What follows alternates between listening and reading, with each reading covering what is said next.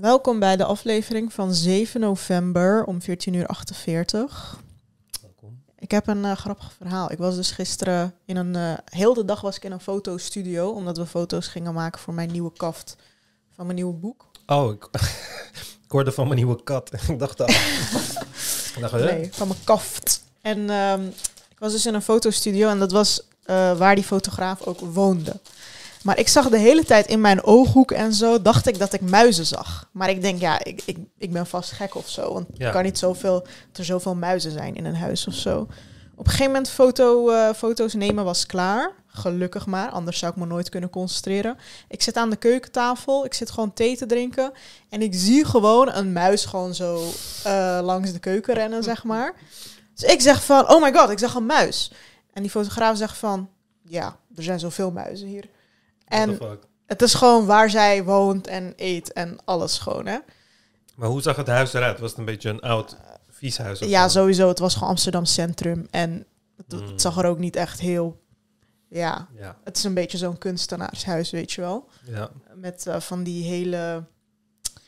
Ja, van die rommelige look, weet je wel. Dat eh, overal boeken en van die hele houten meubelen en weet ik veel wat. En eh, dus ik denk, hè? Het doet haar gewoon niks, weet je. Ze zegt, ja, balkon zit ook vol met muizen, tuin zit ook vol met muizen. Het is Amsterdam, hè. Er zijn hier meer ratten en muizen dan mensen, dit en dat. Maar ze gingen er zo, zeg maar, easy mee om. Ik denk, je hebt gewoon muizen in je fokken. Ik zag gewoon die muis in die la gaan. en dan eh, zegt ze van, eh, ging ze zo op die la schoppen. Zei ze van, ah joh, die, eh, daar heb je geen last meer van. Ik kon al niet meer chi- chill mijn thee drinken en zo. Op een gegeven moment, ik zie gewoon een muis, gewoon kapot chill zo lopen naar de eh, kattenvoerbak, zeg maar, of hondenvoerbak of zo. En ik zie daar gewoon die muis. Dus ik zeg van, oh my god, hij is daar. Dit en dat. Ik raak zo helemaal in paniek. Zij zo, oh, wat een lief muisje. En ze ging gewoon een glas pakken en het zo op die muis leggen. What the fuck? En ja, toen ging die muis daar gewoon chillen in dat glas. En toen zei ze van, ja, als jij weg bent, ga ik het wel eh, gewoon naar buiten laten en zo. Toen dacht ik echt van, ja, even serieus. Ik voelde me ineens meer Turks dan Nederlands. het is gewoon zo belachelijk vies. Je slaapt en eet onder de muizen. Ja. En je vindt het allemaal maar normaal. Ik heb echt nog nooit zoiets gezien. Ik dacht echt, ik wist ook niet wat ik moest zeggen. Ik ging gewoon maar weg. ja, dat hoe je eh, een random lijpe ziekte krijgt. Zo. Ja, die muizen brengen toch ook ziektes? Ga je zo, eh, zie je wat kruimels op tafel, stop je ze in je bek, blijkt het gewoon keutels te zijn of zo. Eeuw, ja, gadver. Nou ja, niet dat je dat snel zou doen, denk ik. Ja, ik heb dus ooit ook... eh, in het centrum heb je inderdaad best wel veel muizen. Altijd vrienden die daar woonden. Was- Ze zeggen nog, ja, elk huis heeft hier muizen. Dit, Ja, dat. in het centrum heb je echt een plaag. ja, maar je hoeft dat niet te accepteren. Want die huizen zijn ook op een manier gebouwd waarbij het gewoon muisvriendelijk is. Dus ehm, ja, dan eh, kunnen ze gewoon hun gang gaan. In ons huis, we, we hadden ook een ou- oude arbeiderswoning. Zoek even een foto ook, want ik wil eh, een verhaal over mensen vertellen. Want misschien niet echt, oh, ik heb het gevonden. Maar, ehm, ehm, wat zei ik nou? Oh ja, want eh, in ons oude huis ook, dan hoorde ik soms, als wij dan muizen hadden, dan hoorde ik ze gewoon zo lopen tussen de muren en in het plafond Ja. en zo. Want daar heb je dan al die ruimtes. Maar, in Maar hoe kan je dan nog van je eten genieten en zo? Ja, maar het is ook moeilijk hoor. Je moet in, in zulke huizen moet je gewoon echt alle gaten dichten en dan, eh, ja, gewoon ja, zorgen doe je er- dat. ja, ja, het is lastig. Het is best wel lastig. Maar het- ik eh, woonde in Almere, echt, welk jaar is dit? 2016. En ehm, kijken hoor, even mijn scherm delen. En wij hadden toen ook last van muizen. En ehm, tenminste, er waren twee muizen. En in de nacht, wanneer ik gewoon dan in de woonkamer zat, dan zag ik ze ook gewoon lopen. Dan, Oh. dan zag ik ze gewoon in de, in, de, in de keuken lopen en shit. En ik wilde geen... Kijk, je kan een lijm gebruiken. Dat is het meest effectief, maar het is echt fucking zielig voor die muizen. Want ze zijn gewoon vastgeplakt en dan moeten ze gewoon verhongeren. Ehm, en dat is ook illegaal in Europa, maar je kan het wel krijgen in Turkse supermarkten en zo. Eh, of je kan een muizenval gebruiken of gif, maar ik vond het allemaal best wel zielig. Ik dacht van, het is gewoon een lief muisje, hij moet gewoon naar buiten. Hij is gewoon binnen, hij moet naar buiten. Dus ging ik eh, bij de Ranzijn, kan je dan van die diervriendelijke muizenvallen kopen. Dan gaan ze zo in die kooi en dan kunnen ze er niet meer uit. Had ik dat gekocht, dat geprobeerd, heeft niet gewerkt. Waarom echt, niet? Echt een, eh, ja, ze ging er gewoon niet in. Ze ging er gewoon niet in en ze haalden hun eten gewoon elders vandaan. Ik weet nog steeds niet van waar. En ehm, Daarna dacht ik van, oké, weet je wat? Ik heb het gewoon gehad met jullie. Ik ga wel een muizenval zetten. Ik heb een muizenval gezet. Werkte ook niet. Die muizenval was altijd gewoon... Hij was afgegaan, maar die muis was nergens te bekennen. Wajo, mensen zijn gewoon te slim. Ja, en toen op een dag, ik zit in de woonkamer en ik heb, ik heb dus dit ding. Ja, en dit is dus een, eh, een soort van sniper rifle. Dit is een luchtbuks. Eh is gewoon legaal. Ehm, maar deze is echt super sterk, zeg maar. Deze gaat recht door de schedel van een eh, varken, zeg maar. En wij schoten hier altijd mee vroeger. En ik had hem toen Op wat schoot je? eh, op doelen. Dan heb je zo'n papieren doelen. En dan eh, ga je die gewoon hangen ergens. En dan eh, ga je er gewoon tegen schieten. Wat we ook deden is dan, dan gingen we in de nacht een vuurtje maken. En dan kochten we zo goedkope deodorant van de Action. En dan leg je dat voor het vuurtje. En dan ga je heel ver staan. En dan de persoon die dan een deo-busje raakt, dan krijg je zo'n vuurbal. Omdat het bij het vuur staat, zeg maar. Dus, eh, maar ja, dat, ik had dit ding dus. En ik zit gewoon in de woonkamer en ik, ik hoor gewoon een muis lopen zo. Dus ik kijk zo. En muizen hebben heel slecht eh, zicht. Dus ik kijk gewoon naar hem. Hij ziet mij niet. En hij is gewoon helemaal in de keuken aan het gaan en weet ik veel wat allemaal. Dus ik dacht, oké, ik zie hem nu. Ik kan hem uitschakelen, want ik heb een geweer. Besef hoe dom ik ook ben, hè? Ik kan hem uitschakelen, ik heb een geweer. Dus toen zag ik hem. Eh, je hebt hier een koelkast en op die koelkast heb je een magnetron. Ik weet ook niet of ik deze foto's kan delen straks. Maar op die koelkast heb je een magnetron. Dus was hij, ging hij via de kabel, ging hij zo op de koelkast klimmen. En toen ging hij van de ventilatieschacht, dus boven hebben we een ventilatieschacht. Vandaar ging hij in de, in de magnetron. En ik denk dus dat er Oh ergens daar iets is, waar misschien zijn er kruimels daar of zo. Dus hij ging gewoon in die magnetron. Dus ik denk van, oké, hij zit in die magnetron. Maar Dus hoe gaat hij in een magnetron? Ja, via die, kijk, je kan hem hier ook zien. Dit is zijn hoofd. Oh. Het ziet er echt Maar kart- magnetron is toch gesloten? Ja, maar aan de bovenkant heb je dus eh, je ventilatiegat. En eh, een muis heeft maar een heel klein gaatje nodig om doorheen te gaan. Ze kunnen super klein Oh. worden. Dus ehm, hij ging daar gewoon in. Dus ik dacht, oké, hij zit in een magnetron. Dus het enige wat ik hoef te doen, is de magnetron aanzetten. En dan steekt hij zijn hoofd uit. ho- hoofd uit. Hoofd uit. steekt hij zijn hoofd uit. En dan eh, schiet ik hem gewoon door zijn hoofd, oké? Dus hier heb ik hem al geschoten. Dit is de muishoofd, maar hij is eigenlijk dood, oké? En dan zie je hier... Dat zijn, dit is de muis en dit is zijn hoofd is door tweeën. Ik heb hem recht Oh. door zijn hoofd geraakt, oké? Maar waar gaat de kogel dan naartoe? Want hier heb je het glas. Weet je? Ja. Heb je op Je het raam gaat die kogel niet stoppen. Dus ik zoek die kogel. Dus ik zie opeens een gat in de lamellen zo. Oh. Oké. En vervolgens een gat in het buitenraam. Was het raam gewoon gebroken. Oh my god. Maar ook nog alleen, want het is dubbel glas en alleen de binnenkant was gebroken.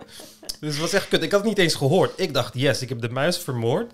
En uiteindelijk bleek het gewoon, eh, ja, je ziet gewoon... En dan, Een muis vermoorden met een geweer. Oh my god. ja, heb ik hem gewoon door zijn hoofd geschoten. Maar, dat klinkt misschien heel erg dieronvriendelijk, maar er is nog nooit een muis zo snel doodgegaan als deze muis. Want die kogel ging recht door zijn hoofd. Ze heeft geen pijn gehad. Hij was zo weg. weg was het gewoon voorbij. Hoe heb je? het opgeruimd? En later heb ik er ook eentje op het aanrecht gevonden. En die heb ik ook geschoten. Oh. Niet door zijn hoofd, maar wel door zijn lichaam. Oh my god. Heel zijn ingewanden liggen eruit. ledematen ligt eruit. En, en die kogel, die ging in de muur tussen de voegen. Eh, en toen gingen de tegels daar breken. Dus eh, ja. ja, dat was een beetje Oh my de, de god. twee keren dat ik een, eh, een muis met een geweer... Wie was je heb, eh, huisgenoot? heb Adam, gewoon een vriend van mij, Oh ja. beste vriend. Wat vond hij van dit verhaal? Ja, ze waren heel blij, want ik, zei, ik belde ze gewoon op, hem en zijn broer. Ik belde ze op en ik zeg van, eh, ja, ik heb goed nieuws en slecht nieuws. Het goede nieuws is, de muis is eindelijk dood. het slechte nieuws is, het raam is gebroken. En we konden het ook niet op de verzekering eh, dingen ze weet je. Want het was van, het is overduidelijk dat het niet van buiten is gebeurd. Want het is binnen gebroken en buiten niet. Ja. Uiteindelijk had het gewoon via de inboedel, eh, was het allemaal geregeld. Dus je had maar twee muisjes in huis eigenlijk. Ja, twee muizen waren er. En die kwamen gewoon via de tuin naar binnen. En nadat die dood zijn gemaakt, hebben we nooit meer, eh, nooit meer last gehad. Dat is wel raar, want normaal komen er meer. Ja, als je een mannetje en een vrouwtje binnen hebt, dan eh, worden ze binnen een paar weken kunnen ze gewoon eh, echt niet normaal, je huis eh, overnemen. niet normaal vermenigvuldigen. Ja, ik weet niet hoe ik deze foto's ga delen. Ik moet ze wel. Op zich is dit niet heel extreem. Waarom zou dit extreem Ja, zijn? dit, dit valt nog wel mee. Maar Je die, ziet het niet die eens andere heel met goed. die ingewanden eruit, die moet ik wel blurren waarschijnlijk. Hmm. Maar ja, dus dat is. maar het is ook het dom, hè? Want het is dom, want ik weet hoe krachtig die geweer is. En oké, hij is gestopt, want hij is echt eh, aan de bovenkant van het hout is hij in het glas gegaan. Mhm. Maar als hij ja, midden in het gegaan, glas. dan was hij door het glas gegaan en dan naar buiten. Ja, en dan had ik gewoon iemand kunnen schieten Oh my god, ja. ongeluk. Dus dat is echt dom. Maar het is echt zo'n impulsieve ding van mij, weet je. Oh, ik zie een muis, dat is een probleem. Oké, hoe ga ik hem Stel je voor killen? je had een kind vermoord of ja, zo. precies. Het zou, oh gewoon, het zou gewoon kunnen. Je Ja, je- het is wel moeilijk om een mens te vermoorden met een luchtbux, want het is een heel klein kogeltje.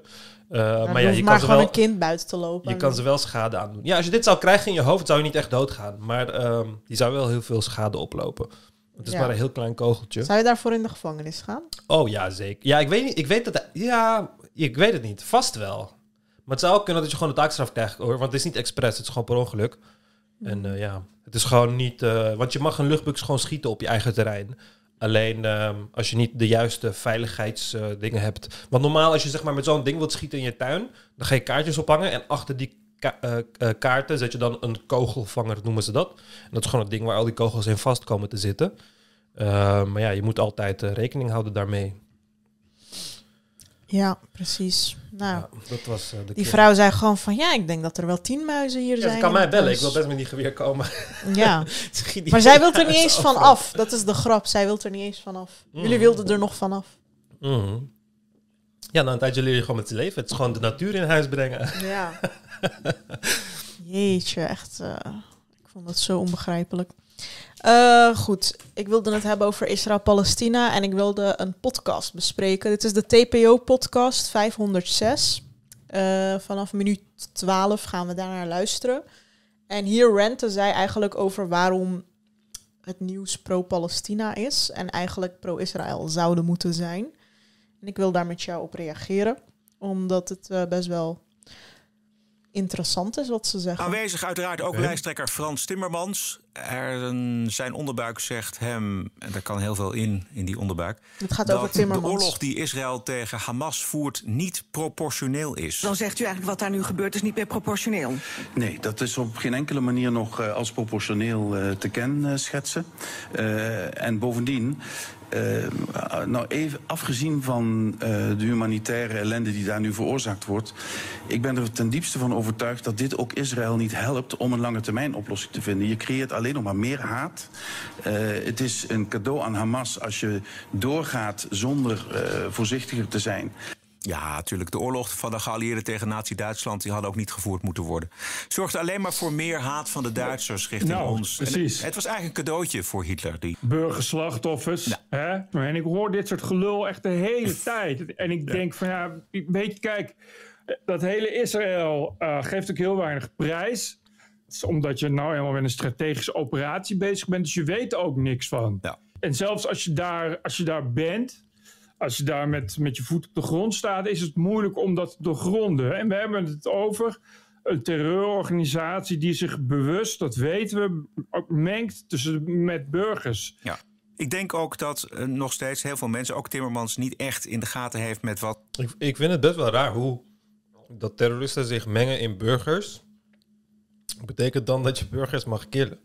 Ja, ze vergelijken het ook met Nazi-Duitsland. Ja, maar daar hebben we... Ja, oké, we hebben er, zijn, er zijn steden die we hebben gebombardeerd, inderdaad. Maar dat is meer een grootschalige oorlog tussen twee staten. Dit is hier absoluut niet het geval.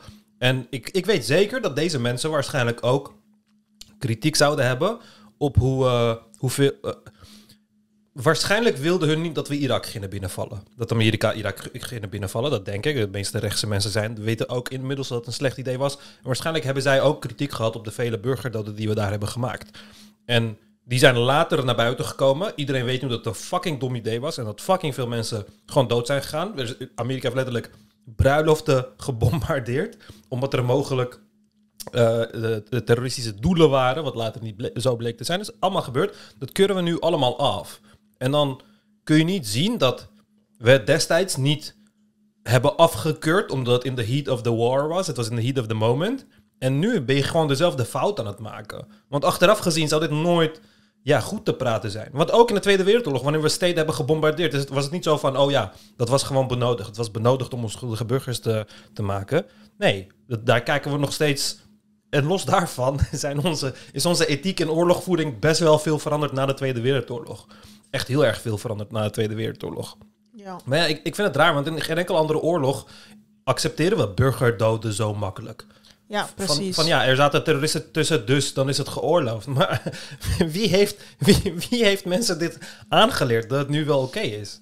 Ja, omgekeerd zou, stel je voor, ehm, ehm, Israël zou een terreurorganisatie hebben die Palestijnse, 1300 Palestijnse burgerslachtoffers heeft gemaakt. Ja, Dan zou ook niemand, denk ik, accepteren dat Palestina denkt, oh ja, we gaan die terreurorganisatie om hun te pakken, gaan we heel Israël bombarderen. ja, ja dat zou precies. omgekeerd ook niet al geaccepteerd Nee, maar het worden. is zelfs zo wanneer, eh, eh, ehm, wanneer Palestijnen geweldsdelicten uitvoeren tegenover eh, settlers, tegenover mensen die letterlijk land stelen daar, zeg maar, en die letterlijk geweld op hun toepassen, dan is het nooit geoorloofd. Dan is het altijd van, oh ja, maar kijk hoeveel onschuldige slachtoffers er zijn gevallen. Maar andersom. En daarom is die dehumanisatie die aan de, aan de hand, hand is, want dat is die oorlogspropaganda die je dan krijgt. Hè.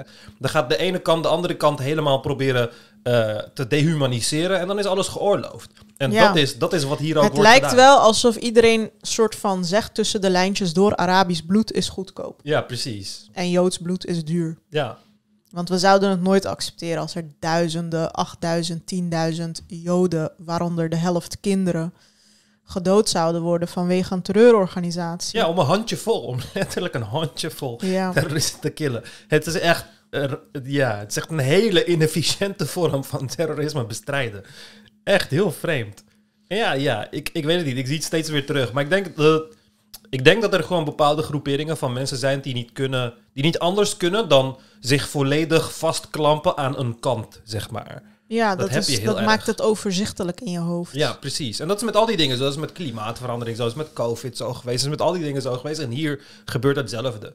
En eh, ja, ik vind het best wel raar. Terwijl er niks mis mee is als je zegt ik sta voor Israël, maar ik ben wel tegen burgerslachtoffers. ja, zo. precies. Want, want op de manier hoe zij het zeggen, is het soort van...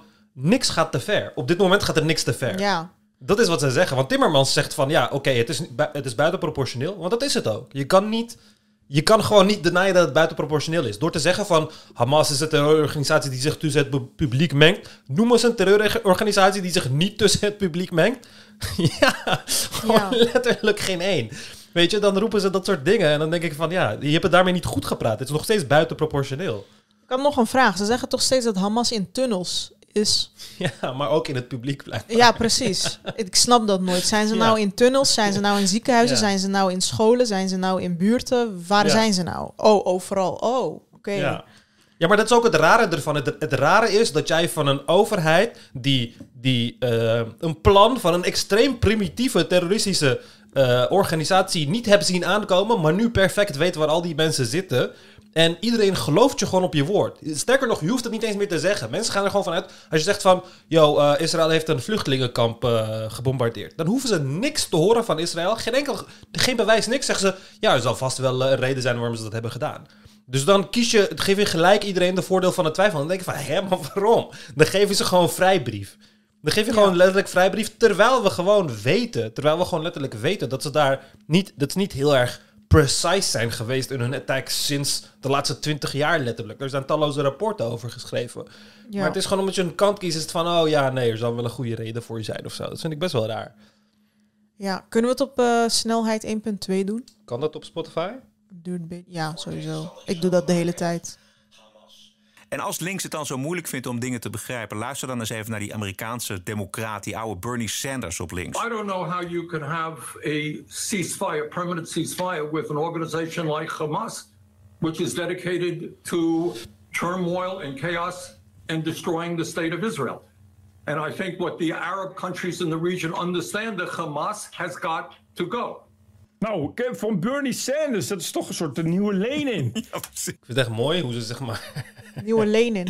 Ja, maar het is ook een soort van, ja, luister maar naar Bernie Sanders, wat die ervan vindt. Maar Bernie Sanders, dit is letterlijk een artikel van gisteren. Bernie Sanders calls for an end to Israeli strikes and killing of thousands.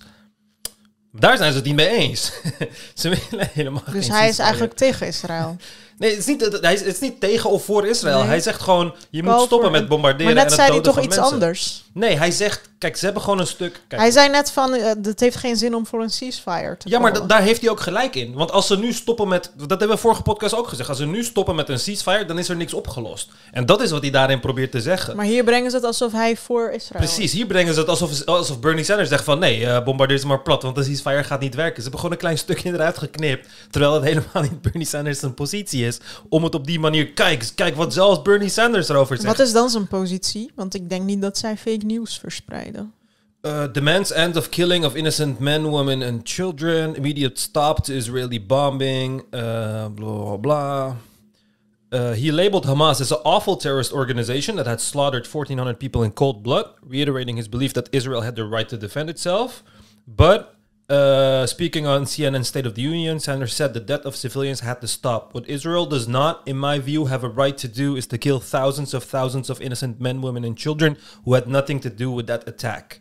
There's not enough food, there's not enough water, medicine, fuel. You've got a humanitarian disaster. It has to be dealt with right now. Dat is wat Sir- Bernie Sanders Maar zegt. wilt hij dan niet dat Amerika meer Israël steunt, bijvoorbeeld? Eh, nee, hij- zijn plan was eh, dat eh, Amerika de steun die het naar Israël gaat sturen, moet gebruiken als leverage om Israël te forceren om te stoppen met schiet, om een ceasefire te, te doen. Dat was zijn, dat was zijn plan. Wat raar dat ze dat brengen als Hier, dat hij Bernie voor Sanders Israël says Senate should use aid package to force Israel to change. Echt raar dat ze dit brengen als dat hij Ja, maar daarom dan knippen ze een stuk eruit en dan Ja. gaan ze het zo vals presenteren en Ja. dan geloof je je eigen leugens. En dan denk je van, waarom? Waarom Kunnen, we, kunnen we nog een keer luisteren naar wat hij zei? Ja. Moeilijk om dat te doorgronden. Het hele Israël had ook niet gevoerd moeten worden. Oh, wacht.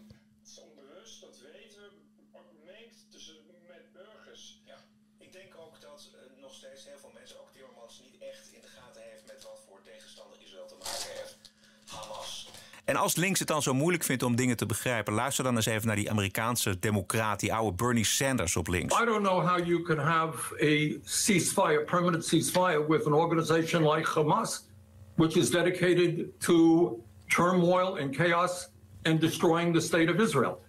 And I think what the Arab countries in the region understand that Hamas has got to go. Nou, van Bernie Sanders, dat is toch een soort een nieuwe Lenin. Wat bedoelt hij daar dan mee?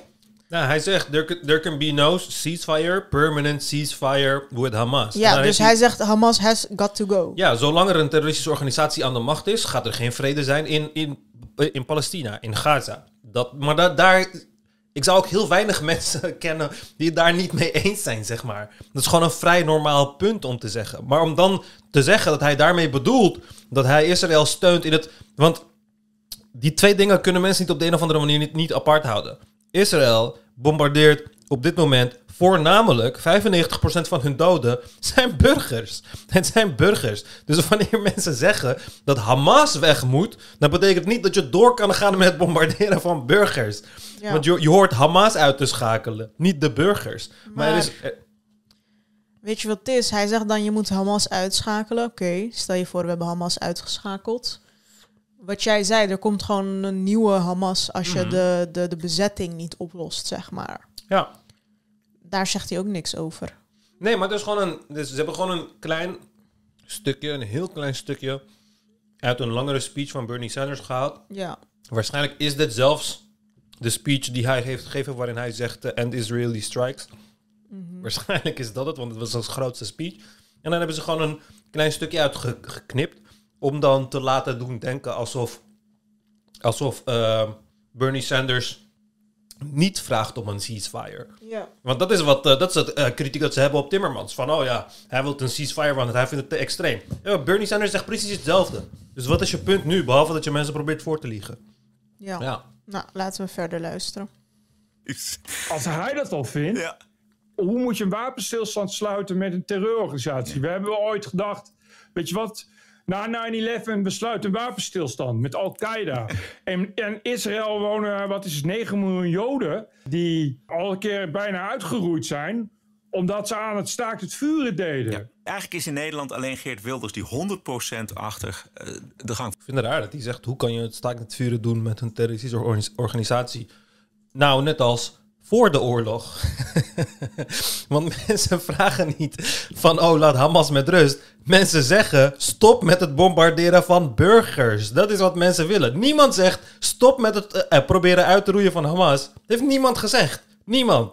Maar doe het dan gewoon. Je hebt toch het beste leger dan wereld. Doe dan fucking op, op normale manieren. Roei ze uit op dezelfde manier als dat je ze zou uitroeien als ze in Israël verstopten. En dat zou je niet doen met bommen. Dat zou je niet doen door hele steden plat te bombarderen gewoon. Dit is zo raar. Er zijn miljoenen mensen daar. Je hebt wat, 50.000 Hamas-leden of zo. Je hebt miljoenen mensen daar. Het is zo raar. Hij zegt ook, Joden zijn elke keer bijna uitgeroeid Ja, gaat dan ook. omdat ze staakt het vuren hebben gedaan. Ja, nou, hè, wanneer hebben ze staak het vuren gedaan dan? Hij bedoelt gewoon, als zij niet eh, plekken bombarderen, dan eh, zijn Joden zelf de klos of zo. Ja, maar hoe? Als er 1500 mensen zijn vermoord aan de Israëlische kant en 8000 aan de Palestijnse kant, dan snap je toch... Het is, het is alsof iemand dood ligt op de grond en je trapt hem nog steeds op zijn schedel. Ja, ze, zij vertrouwen ook niet die 8000. Hè? Ze zeggen alleen Hamas zegt dat. Wie, wie, wie zegt dat dat echt zo is, zeggen ze. Ja. Nou, ik denk dat als je naar de staat van Gaza kijkt op dit moment. En naar de staat van Israël kijkt op dit moment. Waar mensen gewoon nog steeds hun, hun blije dagje leven. Hè? Gewoon feesten en weet ik veel wat naar werk gaan en allemaal dat. Als je die twee steden met elkaar vergelijkt, denk ik dat het niet heel moeilijk is om voor te stellen dat er veel meer doden zijn in Gaza. Maar kunnen we, die, kunnen we die getallen checken? Want alleen Hamas zegt dus 8000 Nou, de, de lijsten van namen zijn gepubliceerd, weet je. Dus daar komen die getallen vandaan. Van de lijst Maar van namen van dat mensen. 100%? Ja, maar dat, dat kan je nu niet... Ja, hoe wil je dat toch gaan checken? Dat kun je aan de Israëlische kant ook niet checken... zonder toegang te hebben tot hun systemen. Nee. Oké, nou, laten we verder. van zaken in Israël staat. Meneer Wilders, zou u daar ook een verantwoordelijkheid in zien? Het overtuigen van Israël dat ze misschien toch een andere manier moeten zoeken? Nou, laat ik eerst zeggen dat ik het stuitend vind eh, dat eh, eh, mijn collega Timmermans ehm, over Israël praat, dat ze dan alleen maar meer eh, haat oproepen. Kijk, Israël eh, voert een eh, existentiële strijd. Dat kunnen wij ons allemaal niet realiseren. Wij weten niet wat dat is, maar dat betekent dat het land en het Joodse volk in Israël om zijn bestaan vecht. Zij hebben niet aangevallen, zij zijn aangevallen. Ik vind het gewoon... Ik vind het zo oneerlijk. Ik vind het zo oneerlijk. Alsof de Palestijnen niet voor hun bestaan vechten. Ja, maar het is ook een soort van... Wie, wie heeft de overhand hier? Wie heeft op dit moment het risico om uit te sterven in, in Palestina? Of, wie? of, of gedeporteerd te worden Ja, naar wie Egypte. heeft dat risico? De fucking Palestijnen. Ik vind dat zo raar. Je kan nu letterlijk gewoon op vakantie in Israël. Je kan gewoon chillen. Je kan letterlijk gewoon chillen. Fucking soldaten maken fucking TikToks. Oké? Mensen, het is gewoon... Oh, en dan denk ik van... En dan, en dan zit je zo van... Het ze zitten in een existentiële strijd. En dat betekent gewoon letterlijk dat ze vechten voor hun leven. Dat is wat dat betekent. En om dat dan te koppelen aan Israël... in plaats van de plek die kapot gebombardeerd is. En waarvan de gehele inwonersaantallen aan de grens van eh, Egypte zitten. Like, hoe? Het is zo, zo gekleurd. Het is letterlijk alsof je iemand gewoon kopschoppen geeft. En zeggen van ja, Umar voert eh, een strijd voor eh, een existentiële strijd. Want ja, die jongen kan ieder moment wakker worden en Umar's keel doorsnijden. Dus hij moet hem wel door blijven schoppen. Het is zo raar. Ja. gevallen. Er is een massamoord op ze gepleegd. En ik vind eh, dat ze, dat vinden volgens mij alle drie hier, eh, dat ze ehm, hard moeten terugslaan. En volgens mij gebeurt dat wel proportioneel. Dat is het verschil wat ons en de Israëli's, ehm, het, ons onderscheidt van terroristen als Hamas. Dat wij van het leven houden en zij van de dood. En Maar hoe, als je meer burgerslachtoffers hebt gemaakt dan Hamas? Hoe? Hoe is het dan proportioneel? Hoe kan Wilders zeggen het is proportioneel? Op welke manier? Het is acht keer zoveel. Op Nou, hij manier? zegt, zij zijn aangevallen, ze hebben niet aangevallen, daarom is het proportioneel. En dat, dat argument wordt vaak gebruikt. Hè? Ja, zij zijn niet begonnen. Ja, dan denk ik van ja, ik sluit iemand op in mijn kelder. Ja. En vervolgens valt die mij aan en ik sla hem dan terug. Want ja, hij heeft mij aangevallen. Ja. Ja. Het, is, het is echt heel raar. Het is ook dat je dan kiest waar het conflict begint, hè? Ja, Want dan kies je ervoor dat het conflict gewoon, ja, eh, is gewoon eh, eh, toen begonnen. Toen Op 7 oktober 2023. Ja, eh, toen Hamas Israël binnenviel, is het gewoon begonnen. En daarvoor is er niks gebeurd. Het is zo raar. Het is zo'n rare manier Ik van vind het ook raar dat hij zegt, wij houden van het leven, zij van de dood. Wie is zij? Waarom zouden mensen van de dood houden? Ja, maar los daarvan kun je dat gewoon niet ondersteunen. Want je hebt meer kinderen vermoord. De kant die jij kiest, heeft veel meer kinderen vermoord. Dus op welke manier? Ja. Op welke manier dan? Het is zo raar. Go on. Ik ken geen Israëli, geen militair en geen politici. En ik ken er veel. Die niet zelf ook intrinsiek willen, zoals ieder normaal mens wil, dat er zoveel mogelijk burgerslachtoffers worden vermeden. Maar je kan geen oorlog voeren um, zonder een oorlog te voeren. Dus je zal als Hamas bijvoorbeeld eh, zichzelf in vluchtelingenkampen, leiders van Hamas verschuilt en je wil die uitschakelen, dan is er één alternatief. Of je doet niks, of je doet wel wat en je neemt een risico. Maar dat gebeurt op de meest proportionele wijze. En nog Hij zegt ook, je neemt dat risico. Maar als je op een vluchtelingenkamp schiet, waarbij je dus burgers ziet, en je gelooft dat daar één of twee Hamas-leiders zitten, en jij schiet dan op het vluchtelingenkamp, op burgers, dan neem je geen risico. Ja. Je neemt geen risico, Het je hebt ervoor echt- gekozen. Het is echt mind-blowing dat ze gewoon zeggen, ja, dan neem je het risico. Het is gewoon... Het is geen risico dat je neemt. Je schiet op burgers, omdat je schiet op honderden mensen, omdat je, twee, omdat je denkt dat er twee Hamas-leiders in zitten. Dit zouden ze nooit omgekeerd zeggen als, Nee. als het om Israël ging. Nee, inderdaad. Dit is echt iets wat Rusland zou doen. Dit is precies wat Rusland zou doen. Er zijn daar honderden burgerslachtoffers maken om twee leiders uit te schakelen. Dat is wat fucking Rusland zou doen en dat zouden we compleet afkeuren. Hij zegt, je kan geen oorlog voeren zonder oorlog te voeren. Terwijl dit gewoon de, meest, de, de strijd is waar de meeste kinderslachtoffers zijn gevallen ooit. Dus ja, er moet wel iets speciaals aan zijn, Maar toch? klopt het dat je geen oorlog kunt voeren zonder burgerslachtoffers te maken? Nee. Nee, je kunt gewoon oorlog voeren. Ik weet dat niet. Ik, ik heb geen verstand van oorlog voeren, dus ik weet het Ja, oprecht maar er zijn niet. verschillende vormen van oorlog voeren. En dit is urban warfare. Dit is dan oorlog in een stad. Dus jij zegt, je kan Hamas uitschakelen zonder burgerslachtoffers te maken? oh nee. Niet kijk, eens omdat- eentje. Nee, nee, nee. Kijk, Hamas zit in een stad. Dus je gaat sowieso burgerslachtoffers maken. Dat sowieso. Eh, zelfs als je gewoon met een gespecialiseerd team naar binnen zou gaan, dan zou je ook burgerslachtoffers maken. Mm. Kijk, bijvoorbeeld toen we Osama Bin Laden gingen halen in Pakistan. We hebben toevallig Pakistan niet plat gebombardeerd omdat Osama Bin Laden er was. We gingen gewoon met stealth operation.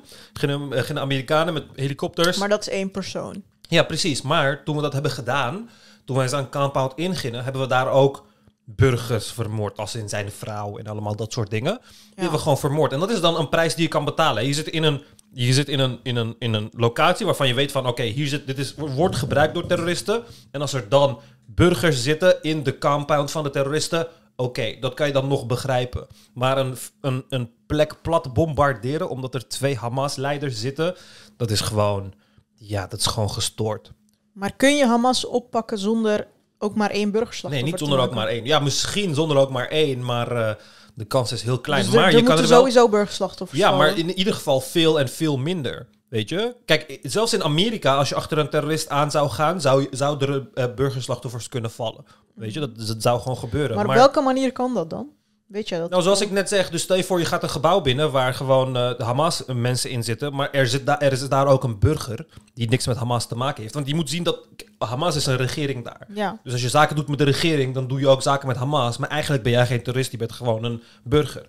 Want heel veel mensen daar worden gewoon uitbetaald omdat ze een, een functie hebben in de, eh, in de eh, government, als het ware. Dan wordt je gewoon uitbetaald door Hamas. Maar verder ben jij niet.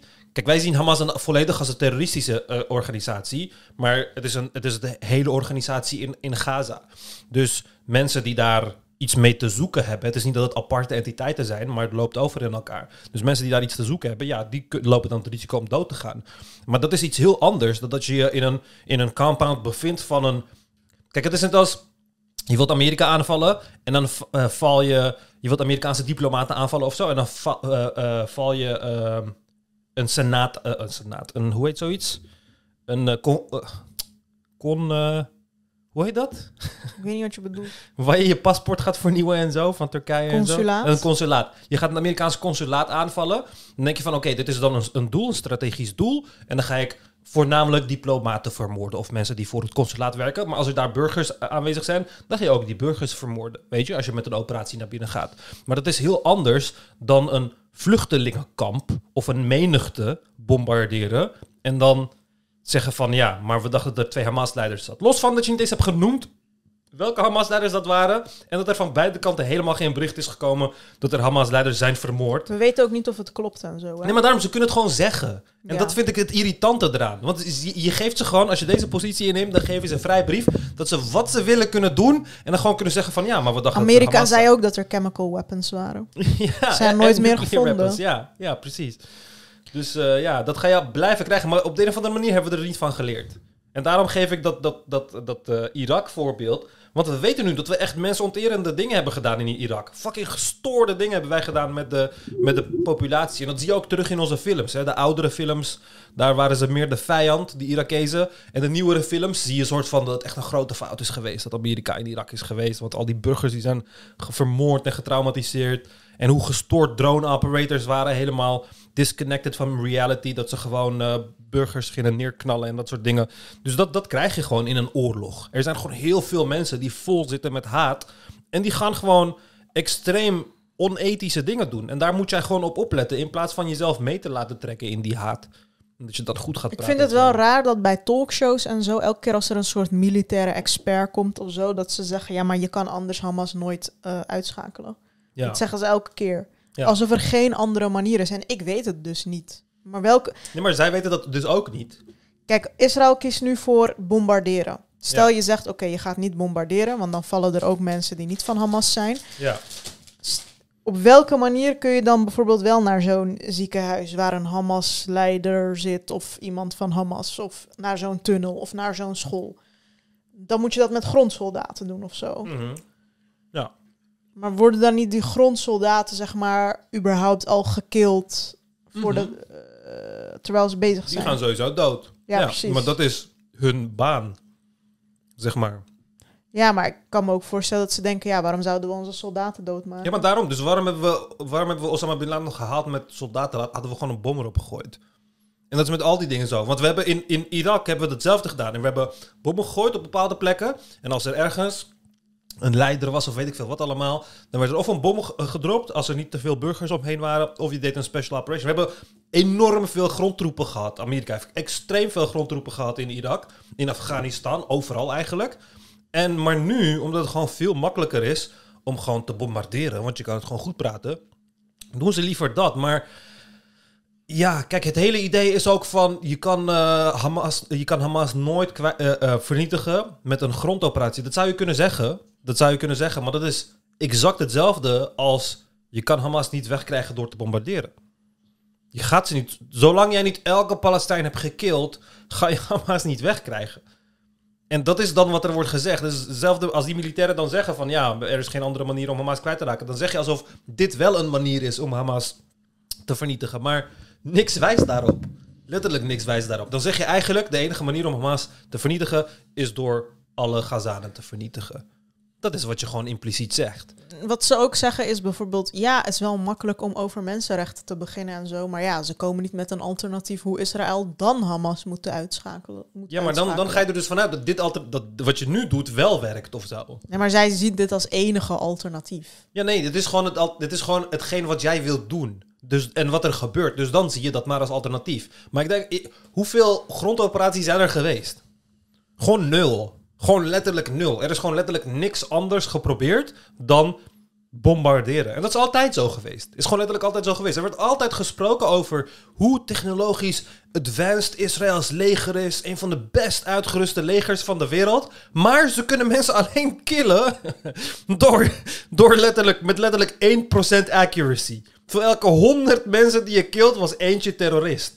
Dan denk je van, hoe geloofwaardig is dat? En dan slik iedereen van, ja, het is de enige mogelijkheid. Dus ja, oké, dan accepteren we dat gewoon. Ja. Wat best wel ongeloofwaardig is. Dat zouden we, van Amerika zouden we dit zelfs niet accepteren. Nee, omgekeerd zouden we het nooit accepteren in een westers land of zo, dat eh, voor één terrorist honderd mensen maar doodgaan. Ja, al moet, die, al moet die oorlog tien jaar zijn, we zouden liever daarvoor kiezen dan dat we burgerslachtoffers gaan maken. Want we weten dat het immoreel is. We weten dat het immoreel is. We hebben die fout heel vaak gemaakt. En we zijn telkens op onze vingers getikt. En ja, op de een of andere manier bij Israël krijg je gewoon... En dat haat ik ook. Je krijgt zoveel speciale behandeling. Je krijgt gewoon een voorkeursbehandeling. Ja, en toch is het van... Oh nee, de hele wereld is tegen Israël en ze willen Israël wegzien en weet ik veel wat allemaal. Dan denk ik echt van, wow, what the fuck. Je, je komt echt met veel meer weg dan welk ander westerse ally dan ook zou wegkomen. Kijk die regenboog. Waar? Oh, keihard.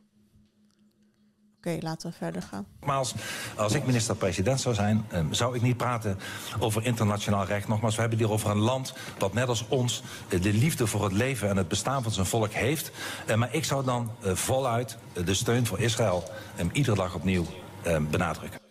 Ik vind, ik vind het ook grappig hoe hij zegt van... ik zou dan niet beginnen over internationaal recht. Hoe makkelijk heeft Wilders net gewoon internationaal recht gewoon op zijn gegooid? Ja. en zo van, nee, ik sta gewoon... Nee, ik ga het niet hebben over internationaal recht.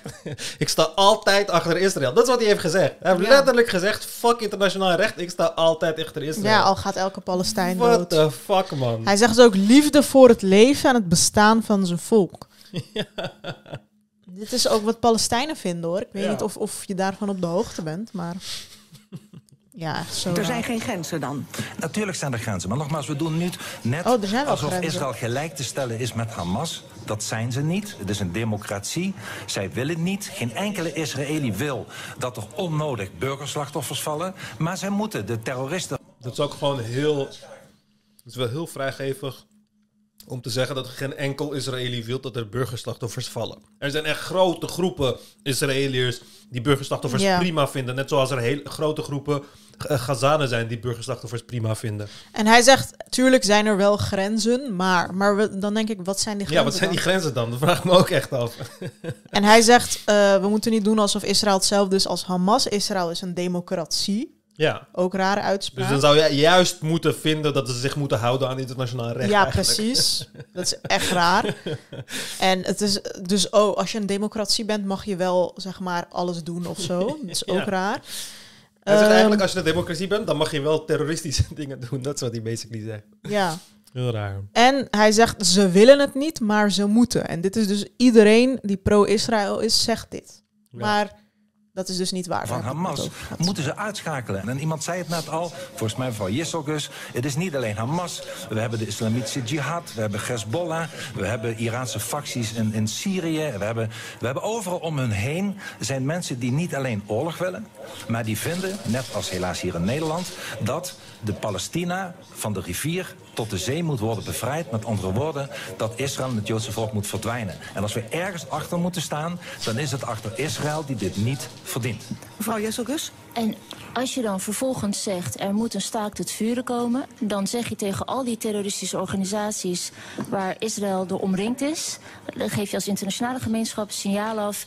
Israël, eh, je staat alleen, je kunt jezelf niet meer verdedigen. En dat is ook de reden waarom ook zoveel andere Europese landen en wereldwijd andere landen ook tegen die resolutie. Maar hoe lang... Ik vraag me echt af, volgens deze mensen, hoe lang blijft zelfverdediging zelfverdediging? Ja. Want ze hebben zichzelf al verdedigd. Het is letterlijk al gebeurd. Dus gewoon, ze hebben al zo... Ze hebben gewoon... Dan denk van, zo lang word je gewoon al niet meer aangevallen. En dan denk ik, en dan ben jij gewoon volledige b- b- bombarrages aan het uitvoeren. Ja, je hebt al gewoon- genoeg wraak genomen. Ja, precies. Je hebt al, je hebt al Meer zelfverdediging gedaan. Precies. Ja, want zij hebben er 1400 gekild tijdens de aanslag. Jij hebt er, als het klopt, hè, 8000 gekild. Ja, maar daar, daarom vergelijk ik het ook met kopschoppen. Want ik kan mezelf verdedigen van iemand door hem knock-out te staan. Maar als ik tegen zijn kop blijf schoppen, dan is het geen zelfverdediging meer. Dat is Ja. het gewoon dan niet meer. Het is heel raar. Ehm, wat, ik, eh, wat ze ook zeggen is, het is niet alleen Hamas, het is ook Hezbollah, Iraanse fracties. En hij zegt, die vinden allemaal eh, from the river to the sea. eh, dat betekent dat Israël en het Joodse volk moet verdwijnen. Dat is dus weer die ene interpretatie die iedereen geeft aan die leus. We hebben Ja. al eerder gezegd, dat is niet de enige interpretatie die er bestaat. Dat kan ook gewoon op een andere manier geïnterpreteerd worden. En Yeshua zegt, als je zegt ceasefire, dan zeg je eigenlijk tegen Israël als internationale gemeenschap, je mag jezelf niet verdedigen. Maar dat zeg je dus niet. Nee, ceasefire is gewoon ceasefire. Ja, precies. Waarom hebben mensen zoveel moeite met dingen letterlijk nemen? Het is zo raar. In geen enkele andere ceasefire die we op aarde hebben besproken, hebben we gedaan alsof dat betekent van, oh ja, je mag jezelf niet meer verdedigen. Er Ja. geen enkele andere ceasefire die we hebben besproken. Het is zo raar. Ja. hebben gestemd. Ja, hier staan Jessel Gus en Ja. Wilders bij elkaar. En terecht. En terecht. Ik denk dat eh, Wilders het heel duidelijk en heel goed en heel realistisch onder woorden brengt. En dat de rest poep is. Wees blij dat het niet proportioneel is. Waarom, ja, sorry dat ik het zeg, maar waarom klinkt hij alsof hij acht chromosomen mist of zo? Die Bert. Ja, hij heeft Is een dat rare Bert? stem. Die, die Ja, zo praat, is dat het Bert? Bert Brussen. Jezus, man. Proportioneel is het als Israël commando's stuurt om willekeurige burgers in Gaza zoveel mogelijk te martelen en te vermoorden en te verkrachten en leven te verbranden. Eh, dat is proportioneel. Maar dat doet Israël niet, omdat Israël wel gewoon een beschaving is eh, en wel gewoon een ethiek heeft. Dus voert Israël eh, een oorlog zoals je een oorlog hoort voeren. Namelijk, je waarschuwt burgers dat ze weg moeten gaan uit een gebied wat gebombardeerd is. En vervolgens bombardeer je commandostructuren van waaruit terroristen zich organiseren. En als je dan gaat roepen, staakt het vuren, zeg je eigenlijk... Weet je wat? Je bent welkom om bij ons binnen te lopen. En bij ons 1400 kinderen en vrouwen de, de keel af te snijden. En op de meest gruwelijke manier te martelen. En dan mag je daarna mag je weer teruggaan. En je verstoppen. En dan doen we lekker niks. En niemand zou dat accepteren. Weet je, niemand, zou, dat, niemand zou, dat, zou dat wel van zijn land willen accepteren. Dus het is een beetje raar dat al die mensen dan nu ineens zeggen: Oh ja. Maar dit is erg, we moeten een staakt het vuur. Alsof je eh, omringd bent door iedereen die je echt intens haat. Dat je echt- België, Duitsers, iedereen haat. En je weet Ik vind het altijd zo'n rare ding van ja, Israël is omringd met landen die hem kapot willen maken en weet ik veel wat allemaal. En uiteindelijk is Israël letterlijk het veiligste land van al die landen eromheen. Letterlijk het veiligste land waar de minste slachtoffers vallen van wat dan ook. Maar toch, in plaats van dat te zeggen van ja, er zijn letterlijk. Dit was de grootschaligste aanval van Hamas ooit. Van Hamas ooit. 1300 doden. Dat was de grootschaligste ooit. Israël heeft er zo gewoon duizenden en duizenden meer gedaan. Wat bedoel je met ze zijn het veiligste land van alle landen? Dat is toch niet waar? Van de landen eh, daaromheen is Israël. Ben je Is daar Egypte niet veilig? Nee, ben je in Israël volgens mij niet hoor. Even kijken. Ehm, Iran en Egypte hebben toch geen oorlog of zo? Zij bedoelen gewoon dat Israëliërs eh, eh, onder gevaar staan van Hamas-aanslagen. Nee, maar hij zei alle landen om je heen die haten je. Want dan bedoelt hij Dat van... is toch zo? Ja, maar haat is wel wat anders dan dat ze je uitmoorden. Want op dit moment worden Israëliërs nergens uitgemoord. De enige mensen die worden uitgemoord op dit moment zijn Nee, Gazanen. maar, maar de uitspraak dat alle landen om hun heen hun haten, is wel waar. Ja, Dus- natuurlijk, het is waar. Maar om die haat te koppelen aan een risico voor jou, alsof er echt een groot risico voor jou geldt, terwijl al jouw burgers veiliger zitten dan de Palestijnen in het land. Ja, zeg maar, zij bedoelen gewoon van eh, dat kan natuurlijk wel nog meer escaleren. Iran kan zich ermee bemoeien of eh, Hezbollah kan ineens Hamas joinen of eh, Arabische landen kunnen zich gaan uniten Ja, maar al die dingen kunnen dus gebeuren. Maar al die Dat dingen zijn. ze. Ja, maar al die dingen kunnen gebeuren. En al die dingen zijn niet gebeurd. Maar Ja. toch ga je dingen uitvoeren omdat die dingen kunnen gebeuren, als het ware. Dus dat vind ik dan eh, vrij Ja. raar. Even kijken hoor. Wat zoek je nu? Ehm, Israël staat hier. Wat bedoel je qua veiligheid? Nou ja, ze zitten op dezelfde. Ja, maar dit is world peace eigenlijk. Even kijken hoor. Peace is toch... Ja, het is niet echt veiligheid, het is meer gewoon vrede. Safety Want ze zijn, ze zijn niet peaceful. ze hebben wel meer conflicten dan de mensen eromheen. Safety index, bestaat dat niet? Ehm.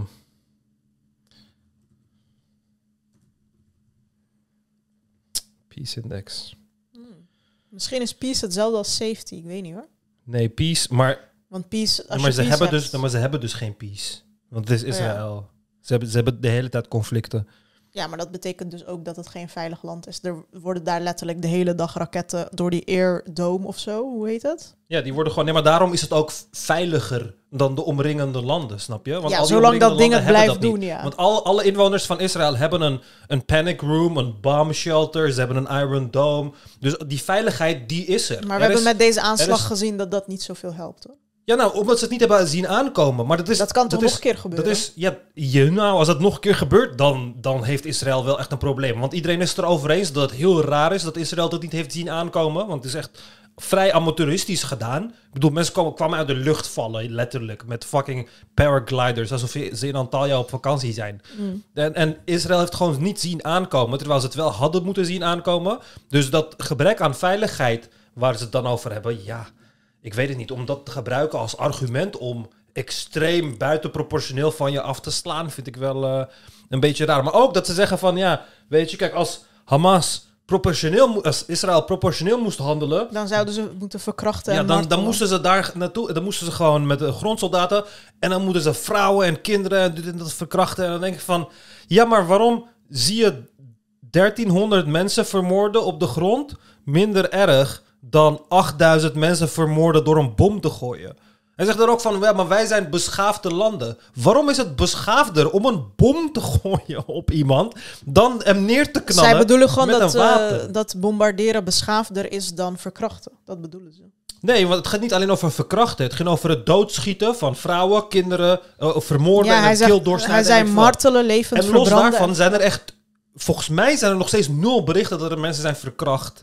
Los daarvan, weet je. En is de hoeveelheid mensen die is onthoofd... kun je letterlijk op één hand tellen.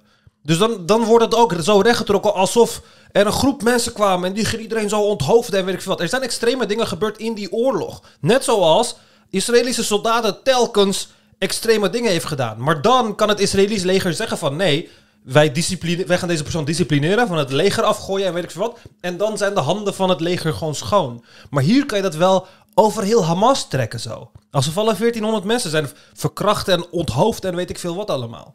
Dus dan probeer je weer die extreme dehumanisatie van mensen die al gewoon letterlijk beesten zijn. Probeer je dan verder te trekken alsof Israël alleen zou gelijk staan aan Hamas als ze al die mensen gaan verkrachten en hun keel doorsnijden en weet ik veel wat allemaal. Je hebt letterlijk ziekenhuizen en vluchtelingenkampen gebombardeerd. Ik heb liever... Is. Is dat van die ziekenhuis nou nu zeker of niet? Oh, maar dat was één ziekenhuis. Maar ze hebben tot nu toe echt 14 ziekenhuizen gebombardeerd of zo. Er zijn Ja. heel veel ziekenhuizen gebombardeerd. Dus er wordt steeds een ziekenhuis wordt gebeld. Dan wordt er gezegd, je moet het ziekenhuis eh, evacueren, want we gaan het bombarderen. En een ziekenhuis kun je gewoon niet evacueren. Als, er zijn gewoon fucking veel mensen die gewoon, als je ze moved, ze doodgaan. Letterlijk mensen die aan de beademing zitten en dat soort dingen. Je kan een ziekenhuis gewoon letterlijk niet evacueren. En dan worden die plekken gewoon gebombardeerd. En dan is het van, ja, moest je maar niet eh, als dokter in het ziekenhuis zitten om mensen hun leven te redden en zo. Het is best wel raar. Maar dat was, dat was één ziekenhuis. Ze hebben heel veel ziekenhuizen gebombardeerd. En meerdere vluchtelingenkampen gebombardeerd. En meerdere kerken gebombardeerd. Waarom onderzoeken we dan nog wie de bom had gegooid op die ene ziekenhuis? Want Ja, die van die ene... Kijk, al die andere ziekenhuizen heeft eh, eh, Israël gewoon geconfirmed dat zij het waren. Maar bij Al- Al-Ghazali heeft... Nou, als ze het toch al doen, wat, wat boeit die ene erbij of eraf nog? Ja, ja, vraag me ook af. Maar ehm, eh, wat wilde ik nou zeggen? Eh, wat zei ik nou? Ik weet niet meer wat ik zei. Maar, dat, dat je eh, ziekenhuizen niet kunt ja, maar ik vind ook het hele idee dat bombarderen beschaafder is, vind ik zo raar. Kijk, het is logisch. Voor want mij is dat niet echt beschaafder. Nee, maar ik, ik, de reden waarom ze dat zeggen is omdat je er minder bij voelt. Want je drukt gewoon op een knop. Je drukt gewoon op een knop en het is niet dat je oog in oog met iemand staat en dan een trekker moet overhalen of zo. Dat zien ze als kwaadaardiger. En weet je wat ik ook vaak hoor? Ja, maar Israël waarschuwt tenminste van tevoren. En eh, Hamas doet dat niet. Mhm. En die mensen kunnen weggaan. Ja, maar voor mij, al maak je me dood, is hetzelfde als dat je mijn appartement bombardeert en ik nog wel in leven blijf, terwijl misschien heel mijn Ja. buurt, eh, dat is voor mij echt hetzelfde. Is voor en mij er zijn genoeg scenario's geweest waar eh, Israël niet heeft gewaarschuwd. Zoals bij het vluchtelingenkamp hebben ze geen reet gewaarschuwd. Want het is ook, het is ook logisch, hè? Want kijk, als je waarschuwt, dan waarschuw je ook de Hamas-mensen die er zitten. Ja, precies. Dus die kunnen ook gewoon weg. Dus voor het groot deel van de bombardementen, waar ze denken dat er Hamas mensen rondlopen, daar waarschuwen ze niet. En tegelijkertijd ook het hele idee van Hamas waarschuwt niet. Er zijn ook heel veel scenario's bekend binnen deze oorlog ook, waar Hamas van tevoren heeft gewaarschuwd dat ze raketten gaan gooien. Ja. Dus dan probeer je het weer zo'n zwart-wit verhaal te maken, terwijl het veel genuanceerder is. Precies, en ze zeggen ook nog, als je zegt ceasefire, dan zeg je eigenlijk tegen Is- Israël, je bent welkom om onze kelen af te snijden, want we doen toch lekker niks terug. Ja. Dat zeiden ze ook nog. Ja, maar daarom, maar niemand opnieuw, hè, niemand heeft gezegd, als jij ceasefire doet, het is ook zo raar. Het is een soort van, we zeggen tegen Israël ceasefire, en dan stoppen ze zo, en dan komt Hamas om ze te vermoorden, en dan gaat Israël niks terug doen, want ze hebben ceasefire. Nee, je kan jezelf nog steeds verdedigen, ook al heb je een ceasefire. Je kan jezelf gewoon verdedigen. Waarom is, het, is er zo'n eh, een, een alternatieve realiteit gecreëerd waar als je ceasefire doet, kan je niet meer schieten? Dan doen je wapens het niet meer zo. Dan kan je jezelf ook niet meer verdedigen. Ja. En ze zeiden ook Israël, omdat ze beschaafd zijn en ethiek hebben, doen ze juist niet het proportionele, zeg maar. Ja. Maar ik vind die woorden ook zo random, wordt dat elke keer zo erin gegooid. En dan wordt het zeg maar in je brein geplant van oké, Israël, beschaving, ethiek. Eh. Palestina, alleen maar terroristen en potentiële terroristen. Een land dat letterlijk een openluchtgevangenis heeft gebouwd en waar apartheid heerst, beschaafd en ethiek. Hoezo is Israël beschaafd en Ja, nou, maar Ethisch. daarom. Want, want dit is dus wat er gebeurt. Omdat ze zo erg gewoon in die kontje van Israël zitten zo. Dan zie je alleen... Kijk, je gaat alleen de barbariteiten van de andere kant zien. En je gaat alleen de positieve kanten van Israël zien. Je gaat letterlijk vallen voor die propaganda van... Oh nee, Israël kan ieder moment vernietigd worden. Wij zijn aan het vernietigen, maar niet aan het denken. Israël kan ieder moment vernietigd worden. Dus alles is Ik geoorloofd. vraag me af, als deze mensen gewoon in Nederland leven. Stel, er is een Nederlandse terreurorganisatie en die bombardeert in Vlaanderen. En Vlaanderen wil dan gewoon bommen gooien op Nederlandse ziekenhuizen en scholen waar hun kinderen naartoe gaan. Zouden ze dan Mhm. ook dit standpunt hebben? Ja, dan ligt je oma af. daar aan de bademing, kan ze nergens heen. En dan is ze vermoord. En dan zeggen andere mensen van... Ja, maar ze zijn gewaarschuwd, moesten ze maar weggaan. Ga je dan ook zeggen dat Vlaanderen de, de, eh, beschaafd en ethisch is vergeleken met Nederland? Ga je dat dan ook zeggen? Ja, het is heel raar. Het is heel raar. Maar ik begrijp hun positie. Ik begrijp... Kijk, als ik nog steeds heel erg anti-moslims en islam was, zou ik die positie ook innemen. Dan zou ik denken van, ja, fuck dat. Moslims zijn barbaren. Ja, laat, laat ze allemaal doodgaan. Wat de fuck boeit het mij? Dan zou ik letterlijk die positie ook innemen. Maar het is gewoon makkelijk. Omdat zij al een negatieve kijk daarop hebben. En dan is het gewoon makkelijk om ze als Ik volledig... wil wel even één ding zeggen. Niet alle Palestijnen zijn moslims. Ja, ja, ja, klopt. Maar daar, daar zou je dus niet aan denken. Je hebt daar ook gewoon christenen. Je hebt daar ook gewoon ex-moslims. Je Ja. hebt daar ook gewoon van alles door elkaar. Mhm. Dus Op het moment Ja. dat we de grensmuur weghalen, worden we overspoeld door de meest gruwelijke leed en zo. Er zou helemaal niemand zijn in Nederland die dan zo zegt: ja, maar ja, moet ook aan denken aan een staakt het vuur. Ja, precies. En dan, precies. En dan roept Albanië ons op voor een staakt het vuren. Zoiets. Ja. Ja. En, dan moet je, en dan moet jij als Nederlander denken: oh, nou, Albanië, die mensen in Albanië hebben echt iets daarover te zeggen. Weet je, Israël is al, al, al, ik weet niet hoe lang, proportioneel. En we hebben dus gezien wat er van komt. Wat je ook nooit hoort is dat Hamas en Hezbollah al tienduizenden raketten heeft afgevuurd op Israël de afgelopen jaren. En dat dat, dat, dat verder geen schade berokkent, althans de meeste niet, omdat Israël zo'n fantastisch beschermingsmechanisme heeft. Wat nou dan? Wat nou dan? Wat is proportioneel? Eh, Israël slaat dan niet terug. Ja, precies. Wat moet je doen dan? Blijven zitten. Beetje, beetje. Het is ook onzin dat Israël niet terugstaat. Elke keer is er zo'n rare realiteit wordt er gecreëerd. Dus Hamas en Hezbollah schieten raketten op Israël. De Iron Dome die schiet de raketten van de, van de, uit de lucht. En dan denkt Israël, oké, nou prima.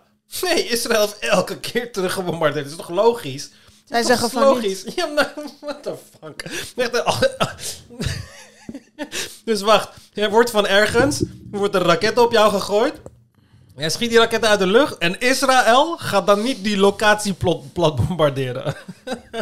Ja. Wat is dit voor alternatieve realiteit die mensen hebben gecreëerd? Elke keer dat Israël is aangevallen, hebben ze veel harder teruggeslagen, want ze kunnen veel harder terugslaan. En ik gun het ze. Ik gun het Israël letterlijk om veel harder terug te slaan als je harder gaat terugslaan op terroristische doelen. Wil je terroristische vermo- terroristen vermoorden? Doe het vijf, zes keer zo hard. Ik gun het je met alle plezier. Alle plezier. Voor mij mag je ze pakken en martelen. Boeit me letterlijk geen, geen reet. Maar doe het met terroristen. En niet met burgers. Het is zo raar. Ja. En dan zegt hij ook eh, 11.000 raketten en zo. Hoeveel mensen zijn er vermoord? Er is letterlijk minder dan één... In de laatste tien jaar is er minder dan één persoon per raket vermoord. Veel minder dan één persoon per raket. Het was de meest inefficiënte Je bedoelt één legitiem, één terrorist bedoel je? Nee, ik bedoel eh, Hamas en Hezbollah die raketten gooien op Israël. Het is zo... Oh. Er, met hun raketten maken ze bijna nooit doden, weet je? Dus Ja, is maar zij bedoelen gewoon van... Ze krijgen heel veel raketten en het is maar dat ze een goed systeem hebben om dat tegen te houden. Maar anders waren ze de lul. En eigenlijk mogen ze precies hetzelfde aantal terugdoen. Dat bedoelen ze. Ja, van mij mag je het precies hetzelfde aantal doen als je het op de terroristische doelen gooit. Van mij mag het helemaal prima. Ja. Maar als jij ziekenhuizen en vluchtelingenkampen en weet ik veel wat gaat binnen eh, bombarderen, ja, dan ben je gewoon. eh, dan, dan, is, dan is dat buitenproportioneel. Ja. Mm. glimlachen als er 10.000 raketten op je worden afgevuurd. En dat je dan eh, de, degene die daarachter zit, zie je dan op televisie vertellen. Als ik de kans krijg, doe ik het gewoon weer. Zeven keer, Eh, ja. en- zeven keer. En, je, en dan ook nog eens een keer een georganiseerd land als Iran. Die dan zegt: Goh, ik hoop zo dat jullie binnenkort allemaal op de vernietiging ingaan. En allemaal mensen die zeggen: Nou, maar eigenlijk die, wat Hitler gedaan heeft, was toch veel te laf. Dus ik hoop dat het nog een keer in Hitler komt. Keer tien. Dat is heel raar. Dat je het allemaal heel raar vindt. Ja, en dat je dan ook nog een gigantisch land als Iran, die staat er ook achter. Ehm, Israël is eh, Gaza helemaal plat aan het bombarderen. En die krijgt dan van een best wel groot land, zoals de Verenigde Staten, miljoenen aan steunpakketten. Israël, hè? Israël krijgt dat. Maar dat is dan niet raar. Dan denk je niet van, oh, hoe moeten de Gazanen zich voelen? Dat ze gewoon op straat zitten, aangevallen worden door een hypermoderne staat, die ook nog gesteund wordt door een andere hypermoderne wereld, gigantische staat. Hoe moeten die zich voelen? Ja. ja, dat boeit allemaal niet. Nee, het gaat om de Israëliërs, want de Israëliërs zijn nu zo bang. De Palestijnen daar, die kunnen nooit zo bang zijn als hoe bang die Israëliërs daar nu zijn. Die gewoon letterlijk van hun dag genieten. Echt zo raar. Je creëert zo'n valse realiteit. Waarin je doet alsof iedereen in Israël kan ieder moment doodgaan. En ze leven op straat en zonder eten en zonder honger. Het is, het is zo'n rare vervorming van de realiteit. Kijk, ze zeggen niet zonder eten en zonder honger. Maar ze zeggen wel dat Israël zich onveilig voelt. Ja, Prima. Dat kan ik me voorstellen. ja de Gazanen als- die voelen zich niet onveilig. Ja, nee, dat is dus ook zo. En dat mis ik dus in dit verhaal. Ja. En dan moet jij maar bij blijven glimlachen, want anders ben je niet proportioneel bezig.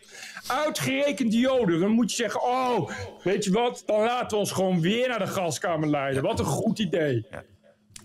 Het is echt van...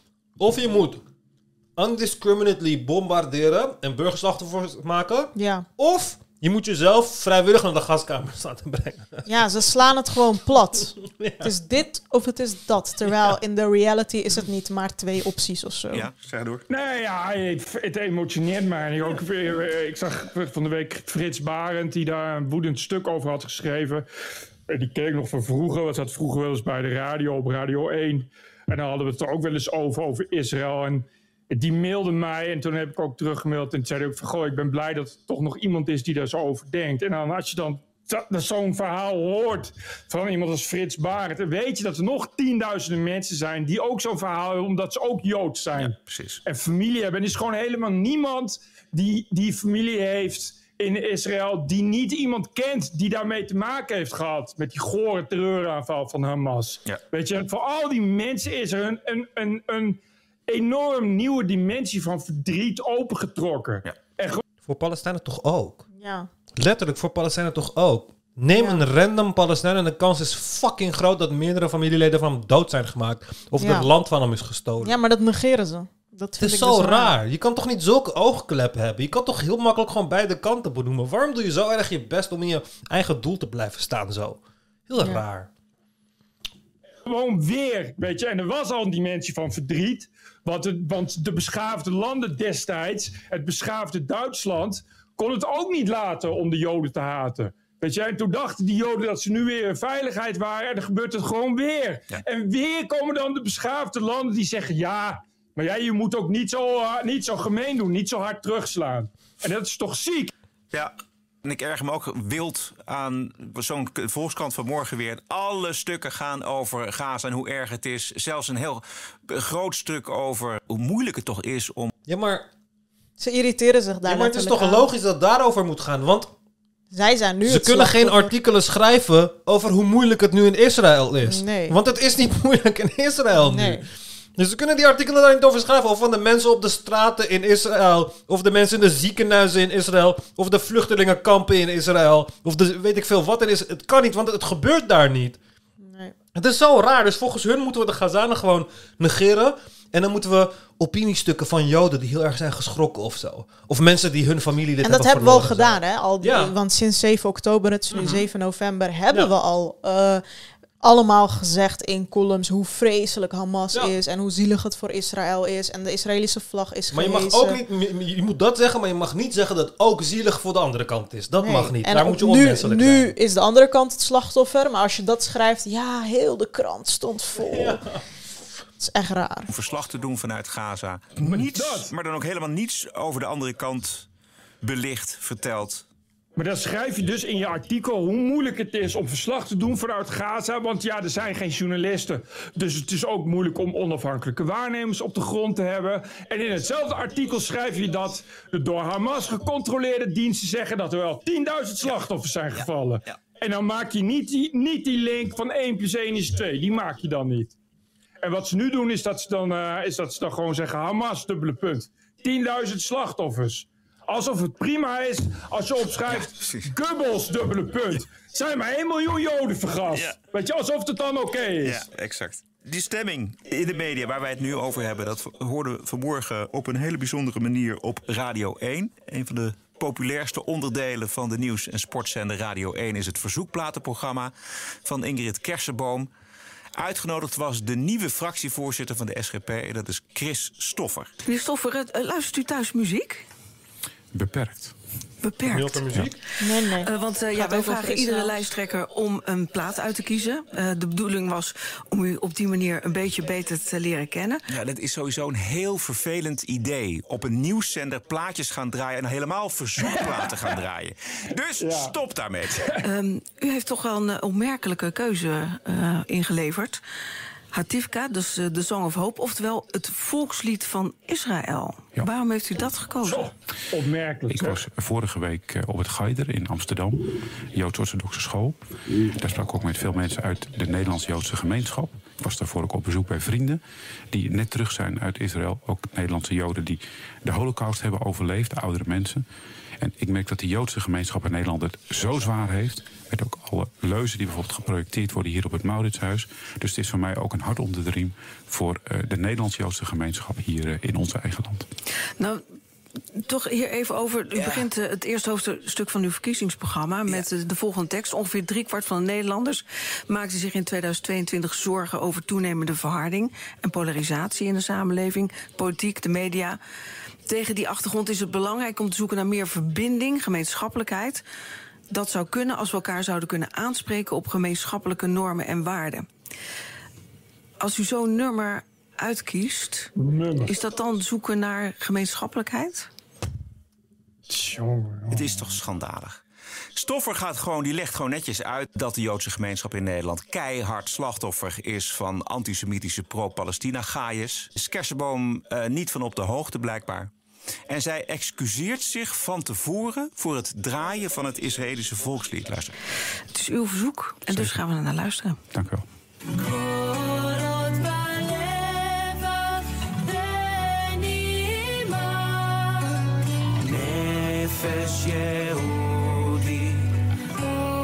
Dit mag je wel skippen hoor. En nou moet die lijsttrekker van de SGP alsnog zich verantwoorden. Luister. Stoffer van de SGP, eh, u koos dit lied, eh, het Israëlische volkslied, ook om een statement af te geven in de richting van de bevolking van Israël. Ehm, wat zegt u tegen de nabestaanden van de burgerslachtoffers in de, in de Gazastrook, die door Israëlische bombardementen om het leven zijn gekomen?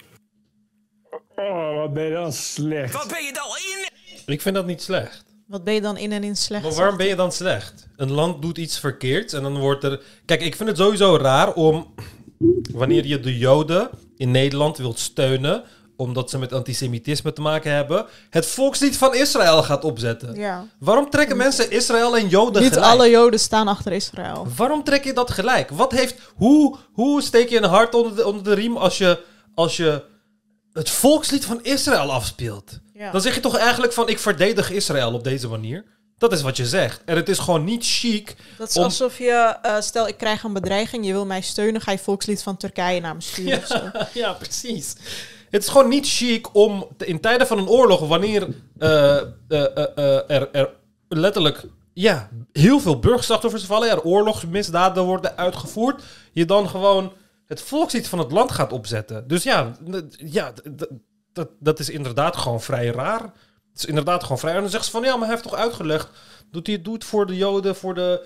Van, je helpt de Joden niet op deze manier. Welke Jood die onder antisemitisme lijdt in Nederland, heb je geholpen door het Israëlisch volkslied af te spelen? Had Nou, dan een- helpt, hij zegt ook niet dat het helpt. Hij zegt alleen, ik wil gewoon mijn steun betuigen. Maar goed. Ja, ja, maar daarom, hoe, hoe steun je de Joden in, in Nederland met het Israëlisch volkslied? Dat is kapot raar. Het is gewoon echt kapot raar. En zij zien dat dan ook niet. Want het is, het- ze zouden het wel zien als een of andere politicus had gezegd van... Ja, voor de burgerdoden in Palestina gaan we het Palestijnse volkslied afspelen. Dan hadden zij die vrouw kapot gemaakt. Helemaal kapot gemaakt. Ja. Maar Israëlisch volkslied, oh nee, nee. Het is gewoon eh, om de Joden in Nederland eh, te steunen. Echt Ja, raar. wat ze ook zeiden is eh 10.000 doden. We hebben net 8.000 gezegd. Ja. Dus Hamas heeft blijkbaar gezegd 10.000. Weet jij wat de waarheid is? Even kijken. Want het is nogal wat, 8.000 of 10.000. Uh, blah blah blah. What experts say about the Palestinian officials, blah blah blah. Even kijken. Uh, 7000 Palestinians have been killed, blah blah blah. This week suggested it's not to be trusted. I'm not. I'm, I'm sure innocents have been killed. Uh, Zij zeggen als kranten schrijven Hamas dubbele punt 10.000 doden. Dat is Oh nee, dat is niet waar. Dat is niet hoe dat gebeurt. Ze hebben, kijk, er staat hier ook. Gaza's health ministry on Thursday answered Biden with a list of the dead. The 212-page document provided the name, age, sex and official identification number of 6,747 people that Palestinian officials say have been killed in Dat Gaza. kan niet fake zijn of zo, toch? Het kan, natuurlijk kan Oh. het. Ik bedoel, ja. Kijk, het probleem is, jij kan dit alleen checken of dit echt is als jij... eh, Daar staat. ja, maar niet, niet alleen dat. Jij hoort gewoon... Kijk, één, jij moet erachter komen of die identificatienummers uh, matchen met die namen. Of ze niet gewoon verzonnen zijn. Als het Ja. echte personen zijn, dan weet je dat het echte personen zijn. En vervolgens ga je onderzoek doen om te kijken of een van die mensen waarvan ze claimen dat ze dood zijn, leven. Mhm. Als je levende ertussen kan vinden, dan eh, weet je dat de cijfers niet goed, eh, goed zijn. Maar je gaat, niet, eh, je gaat het niet kunnen verifiëren. Geef jij ze gelijk dat je niet in kranten moet schrijven 10.000 doden omdat Hamas het zegt? Nee, want ehm, kijk, als Hamas het gewoon zegt, inderdaad niet. Maar als je zo een document krijgt met naam, leeftijd en weet ik veel wat allemaal, dit is normaliter dezelfde bewijs die je van elk ander land krijgt. Dus wanneer Israël zegt 1400 doden, dan confirmen ze dat ook met zo'n lijst. Ja. Naam, eh, leeftijd en dan je ID-nummer, dat soort dingen. Soms heb je Ja. ook nog morgue reports, dat soort dingen. Dus als het zo wordt gepresenteerd, ja, dan moet je het gewoon in de krant schrijven, net zoals je dat zou schrijven bij Israël. Maar als, Ja. als Hamas het gewoon zegt, net zoals bij het ziekenhuis, toen ze zeiden wat 500 doden of zo, dat moet je niet zo schrijven. Dat moet je gewoon schrijven allegedly. of Zij zo. zeggen het is hetzelfde als dat Goebbels zegt er zijn maar 1 miljoen Joden vergast. Goebbels is een prominente natie. Ja. Maar ik vind die, ik vind die nazi-vergelijkingen echt leuk. Wanneer, wanneer je juist de Gazanen met Joden had moeten vergelijken in het nazi-tijdperk, zeg maar. Want dat zijn de onderdrukten, zeg maar. Maar ja, best wel raar. Eh, laten we verder gaan. En in slecht, in slecht. Ongelooflijk. Maar ook echt iemand van de SGP, weet je, dat een orthodox-christelijke organisatie, wat, had je, wat heb- verwacht je dan? Het punt is ook, je, je hoort dat het allemaal van tevoren bedacht is. Dus die, die, SGP was Kun je niet 1,2 uitgenodigd en doen? die heeft dan van Nee. tevoren gezegd, want het plaatje moet klaarstaan natuurlijk, ik wil graag het Israëlische volkslied. En daar is dan discussie over, we moeten er wel iets kritisch over zeggen. En dan, ga- dan wordt er gekeken in het verkiezingsprogramma van de SGP en er wordt iets met verbinding gezocht. Ja, is dat nou wel verbindend? In heel Nederland hangen de Palestijnse vlaggen. Er geen enkele Israëlische vlag is te zien, nergens. Die We hebben toch de Israëlische plak gehezen? Ze Maar- bedoelen gewoon aan de balkons en zo. Oh ja, ja, er zijn toch... Er zijn gewoon meer moslims. Ja, maar dan denk ik ook van, ja, je hebt gewoon heel weinig Joden. En tegelijkertijd het zijn de Nederlanders die dan die dingen moeten ophangen gewoon. Kunnen er Ja. ook niks aan doen dat allochtonen over het algemeen wat fanatieker zijn met hun vlaggen. dat is gewoon iets wat in allochtonen Maar zit. daar hebben ze sowieso ook kritiek op hoor. Ja, Zij maar ik denk dan van, hebben jullie een Israël-vlag op jullie balkon eh, hangen dan? Ja, blijkbaar niet. Ja. Die vraag wordt niet gesteld. Maar er is één iemand die vraagt om het Israëlische volkslied op de nationale nieuwszender. En dat wordt meteen afgemaakt op deze manier. Het is ook het Israëlische volkslied. Het wordt gedaan alsof het het Horst Wessel lied is. Exact. Waarbij je niet één keer, maar twee keer door allebei de presentatoren moet verantwoorden. Eh, eh, Echt ook alsof je een nummer hebt gedraaid wat eigenlijk al lang verboden is. Ja. het is het Israëlische volkslied. Weet je, dan ga je toch niet. Dat, is, maar dat geeft toch wel aan dat het Israëlische volkslied kun je dus eigenlijk al niet meer met goed fatsoen draaien. Ja, weet je, het is zo smerig en zo gaat het altijd. En daarom is dit zo'n treffend voorbeeld. De- deze man vraagt, die ze- heeft het helemaal niet over de Palestijn. Natuurlijk weet hij ook dat dat een, een, een, een, ingewikkeld en belangrijk conflict is... wat om een os- oplossing schreeuwt.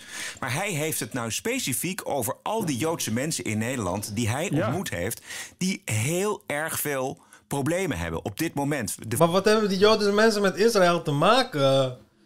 Wat hebben Joodse mensen met Israël te maken? Vertel mij wat Joden in Nederland met Israël te maken hebben. Het is zo raar. Ja, voor hun is dat één op één. Oh, het is zo raar, man. Ik vind het zo raar. Voorbeelden zijn eindeloos. Straks hebben we het ook nog even over de UvA, waar Joodse mensen weg worden geschreeuwd met eh, fucking Jews. Ja. Eh, dat zien we voortdurend. En hij vraagt om de aandacht daarvoor. En deze hufter Nee, hij vraagt niet om de aandacht daarvoor. Hij, kijk, het feit dat Joden worden weggestuurd of weggeschreeuwd. Fuck the Jews. Dat is fucking barbaars. Dat is verschrikkelijk. Dat hoort nergens te gebeuren. Maar om dat te verdedigen, om dat te proberen te verdedigen door het Israëlisch volkslied. Het, er is gewoon geen verbinding tussen die twee dingen. Hebben nou mensen op de UvA fuck the Jews gezegd? Ja, dat, is ook, achter, dat is eh, ook echt raar, man, voor een universiteit. Even kijken. UvA.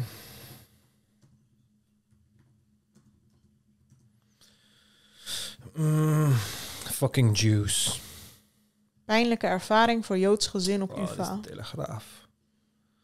Telegraaf, oh, jij ziet dat niet als een nieuwsbron. Nee. het is niet, kijken, het is niet per se zo dat, je, dat de Telegraaf fake nieuws verspreidt, hoor. Nee, maar het is altijd wel gekleurd. Eh diploma-uitreiking verstoord werd met pro-Palestina-luizen. De aanwezigen begonnen volgens de... Nou, het parool, dat, daar gaan we naar luisteren. Oh, maar dit is een opinie, fuck dat. We pakken gewoon wel de Telegraaf. Nee, maar die opinie kan natuurlijk wel de feiten benoemen. Nou, dan pakken we gewoon een parool. We blijven bij... eh even dit omzeilen zo. Oké.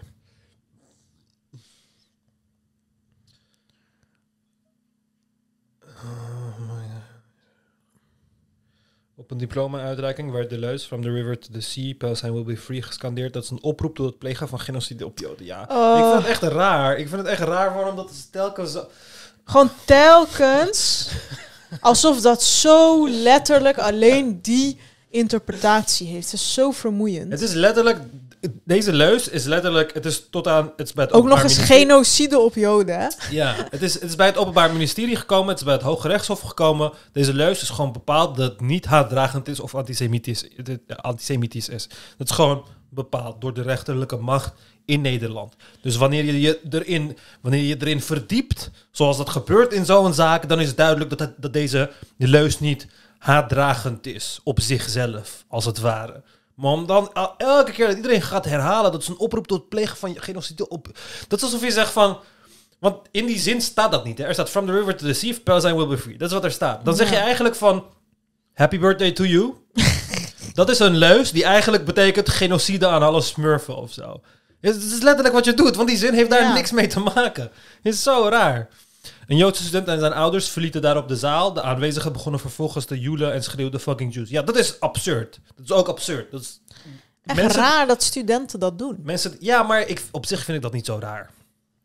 Op zich vind ik dat niet... Ja, er is nou eenmaal antisemitisme. Op zich vind ik dat eigenlijk vrij, eh, vrij eh, voorspelbaar op een universiteit. Hoezo is dat voorspelbaar? Universiteiten zijn best wel slimme mensen. Ja, maar het zijn ook hele jonge mensen. En jonge mensen hebben heel vaak... De... Jong, jong, jong. Ja, ja. Ze zijn geen kinderen. hè? Maar kijk, je hebt heel vaak bij universiteiten, wanneer er dus ehm, sprekers komen die wat, ehm, ja, een beetje, hoe heet dat?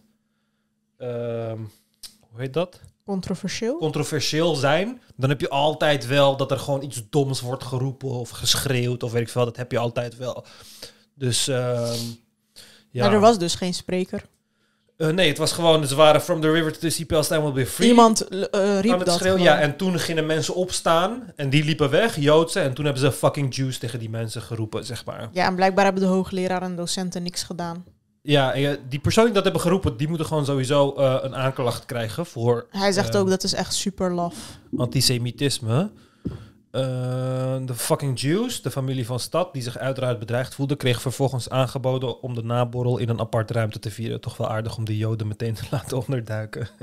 Dat is ook echt zo raar. Wie zegt nou, weet je wat, blijf maar. Gaan Ja, we met jullie in een ruimte. aparte lokaal, gaan Ja, we jullie fuck? diploma vieren. What the fuck is er mis met die leraren ook? Eh, dat die studenten enge teksten schreeuwen is erg. Maar ja, eerlijk is vals. Door mijn anticapitalistische woede schreeuwde ik destijds ook menig oliedomme tekst. Maar die waren niet gericht tegen Joden. En hadden ook geen genocide als oogmerk. Ja, die genocide kun je gewoon weghalen. Want Ja. daar, daar heeft helemaal niemand over gehad. Maar die hoogleraar en docenten, wat een fout tuig. Ze grepen niet in. Even dacht ik nog eens misschien door angst aan de grond waren. Lees even duidelijker voor. Maar angst op een fucking diploma-uitreiking. Er waren Palestijnse vlaggen in de zaal, las ik. Op dat moment had er al ingegrepen kunnen worden, maar men deed niks. Men luisterde naar een opruimende anti-Israël redenvoering met die leus om alle Joden te verdrijven. Tja, beste meneer Kleveringa, er gebeurt iets schandaligs op de universiteiten waar de ene helft er niet tegen durft op te treden omdat de andere helft het ermee eens is. Maar er is toch vrijheid van meningsuiting? Ja, die is er. Niemand hoeft wat mij betreft opgepakt te worden. Nou, van mij mag eens oppakken hoor. Ja. Ik had al, eh, alleen graag gezien dat op de Universiteit, Universiteit van Amsterdam Joden beschermd zouden worden en zich niet bedreigd hoefden te voelen, omdat ze als fucking Jews in het gezicht gespuugd kregen, krijgen dat er genocide op ze gepleegd moet worden. Die genocide vind ik echt raar. Ja, Ik het komt ook steeds echt- terug echt alsof raar. het een vaststaand feit is. Maar oké, eh, ik, ik wilde even, ik zag daar ook, UvA maakt excuses, kijk wat ze hebben gezegd. De diploma-uitreiking van UvA-studenten in- het De La Mar Theater is vrijdag verstoord door een student die protesteerde vanwege de situatie in Gaza. De decaan van de faculteit Economie en Bedrijfskunde heeft de aanwezigen dit weekend in... Hé, maar hier gaat het om één student. Misschien is het ook maar één student. Scanteerde een van oorsprong Palestijnse student de omstreden leus From the river to the sea, Palestine will be free. En gaf een Joods gezin daarop weerwoord. Daarna zou het gezin massaal zijn uitgejoeld met onder meer de tekst fucking Jews. Oh, dus wel massaal. Oh ja. En dit is dus het probleem. Ik denk dat hier het probleem in zit. Want een Palestijnse student die zegt from the river to the sea, Palestine will be free, die protesteert dan tegen Israël. Mhm. Joods gezin geeft daarop weerwoord. Geen idee wat het weerwoord is. Maar waarschijnlijk heeft dat Joods gezin gezegd van, oh ja, die leus is genocide. En, eh, Ja, maar het is sowieso raar om dit te scanderen tijdens een diploma-uitreiking ja, waar Joden dat, is, dat zijn. is sowieso raar, inderdaad. maar maar raar. daarna zou het ge- gezin massa- massaal zijn uitgejoeld. Met onder meer de tekst fucking Jews. Maar er staat niet Dus- wat dat gezin had gezegd, dus ik weet niet of dat... Of Ja, maar daarom. Dus er is waarschijnlijk gewoon een, een eh, ding geweest. Maar ik, ik denk dat hier ook weer sprake is van dat de ene partij, From the River to the Sea, Palestine will be free, ehm, interpreteert als genocide op de Joden. En de, rest van de mensen die interpreteert het gewoon als Palestina moet vrij zijn. Weet je, omdat ze nu onder druk zijn. Dus eh, Ja. ja. Daarna zou het gezin massaal zijn uitgejoeld, onder meer de tekst fucking Jews. De organisatie zou niet hebben ingegrepen, maar in plaats daarvan het Joodse gezin een aparte ruimte aan hebben geboden. Ja, dat is echt fucking dom. Ze zouden inderdaad gewoon moeten ingrijpen. Eh, volgens een woordvoerder van de UvA zoekt de universiteit uit wat er precies is gebeurd. Ze noemt het afschuwelijk dat dat op deze manier niet mogen gebeuren. Het is heel naar en er is niet op adequate wijze op gereageerd. De decaan schrijft in de mail dat een diploma-uitreiking niet de plek of tijd is voor gevoelige politieke boodschappen over het conflict tussen Israël en Hamas. Ja, dan moest je toch ook ingrijpen. Ja. Hij zegt te begrijpen dat het voor veel mensen ongemakkelijk, boosmakend of pijnlijk is geweest. Namens de organisatie, de faculteit en de universiteit bied ik mijn oprechte excuses aan dat dit is gebeurd. Bij de afhandeling van het incident zijn ernstige fouten gemaakt waarvoor geen excuses bestaat. Helaas heeft, het, heeft hij het podium misbruikt om deze politieke boodschap te verkondigen. En op het moment dat de toespraak plaatsvond, werd er niets gedaan om deze tegen te houden. Terwijl vooral degenen die beledigd werden aan hun lot werden overgelaten. Ja. De woordvoerder zegt dat er ook met de student die de omstreden leus riep wordt gesproken. Nou, eh, dat heeft de UvA echt verschrikkelijk gedaan. Echt verschrikkelijk. Maar ja, oké. Gaan we verder luisteren? Ja. Radio 1 Journaal, die vraagt hem gewoon... wat zegt u tegen de burgerslachtoffers in Gaza? Ik ben bang dat als je zegt van ik wil graag... Ja, omdat het disrespectvol is om een, om een volkslied van Israël te laten horen... wanneer er burgerslachtoffers zijn gevallen in Gaza. Er zijn gewoon letterlijk... ah, dan denkt hij zo van, oh ja, maar ik, eh, dit is voor de Joden in, eh, in Nederland. Er zijn Palestijnen in Nederland, wiens familie nu gewoon... Ze hebben geen contact met hun familie nu.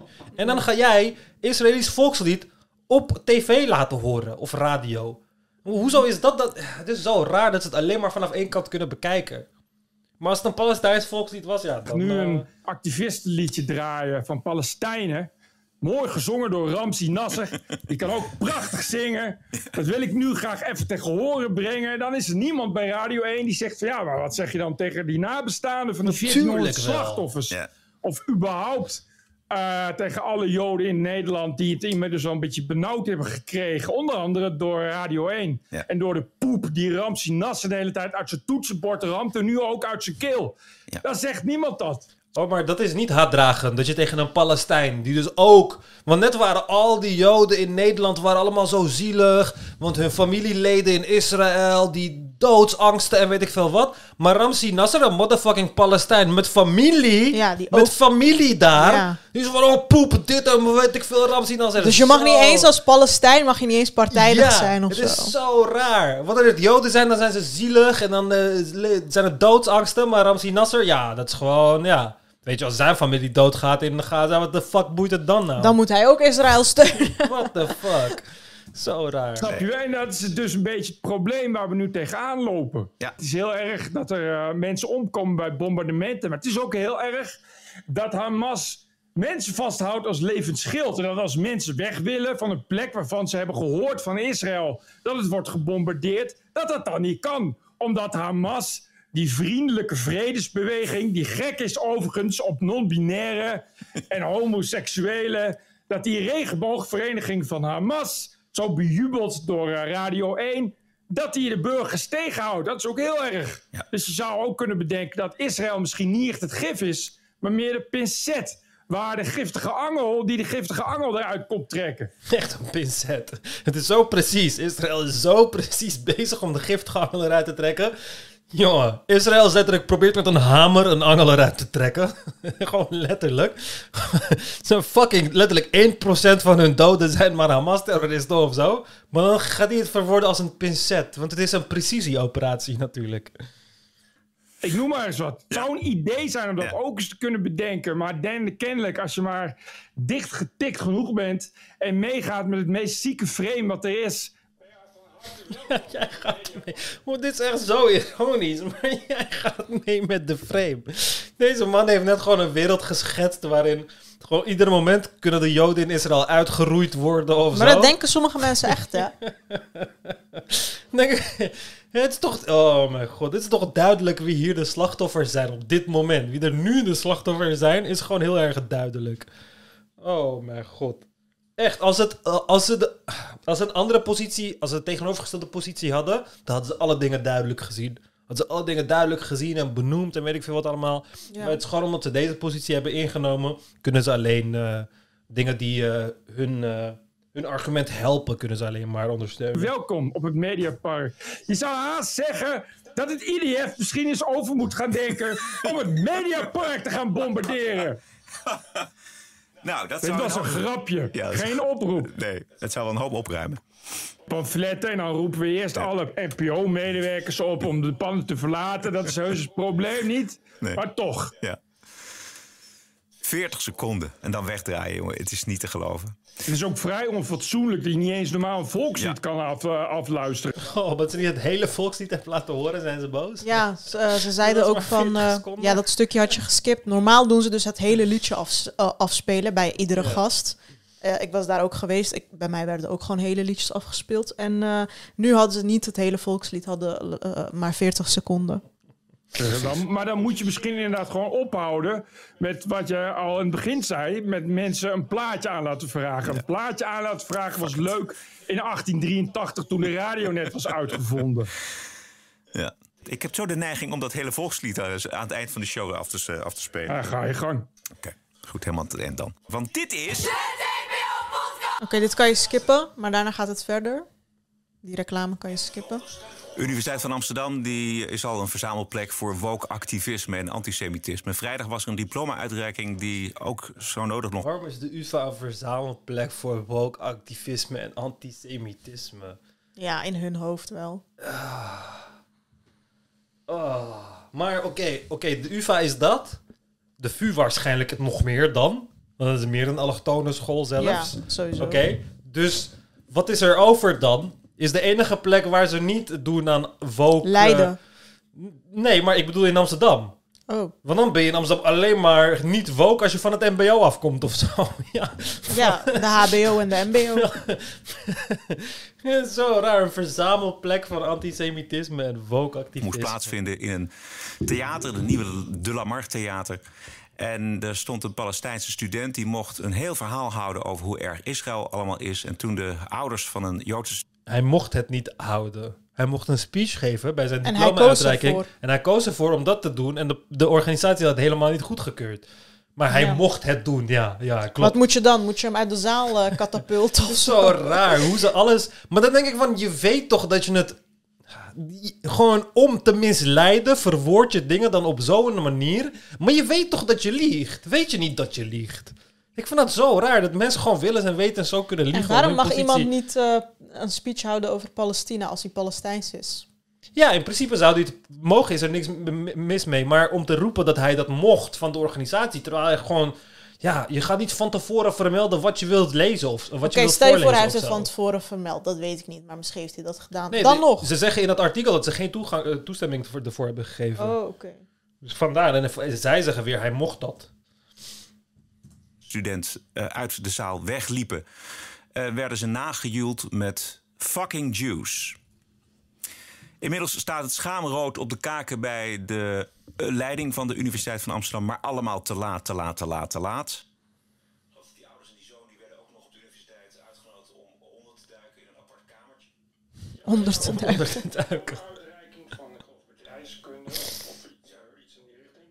En er waren kennelijk meerdere, di- meerdere diploma's werden uitgereikt. Een aan Hamas gelieerde activist kreeg ook een diploma.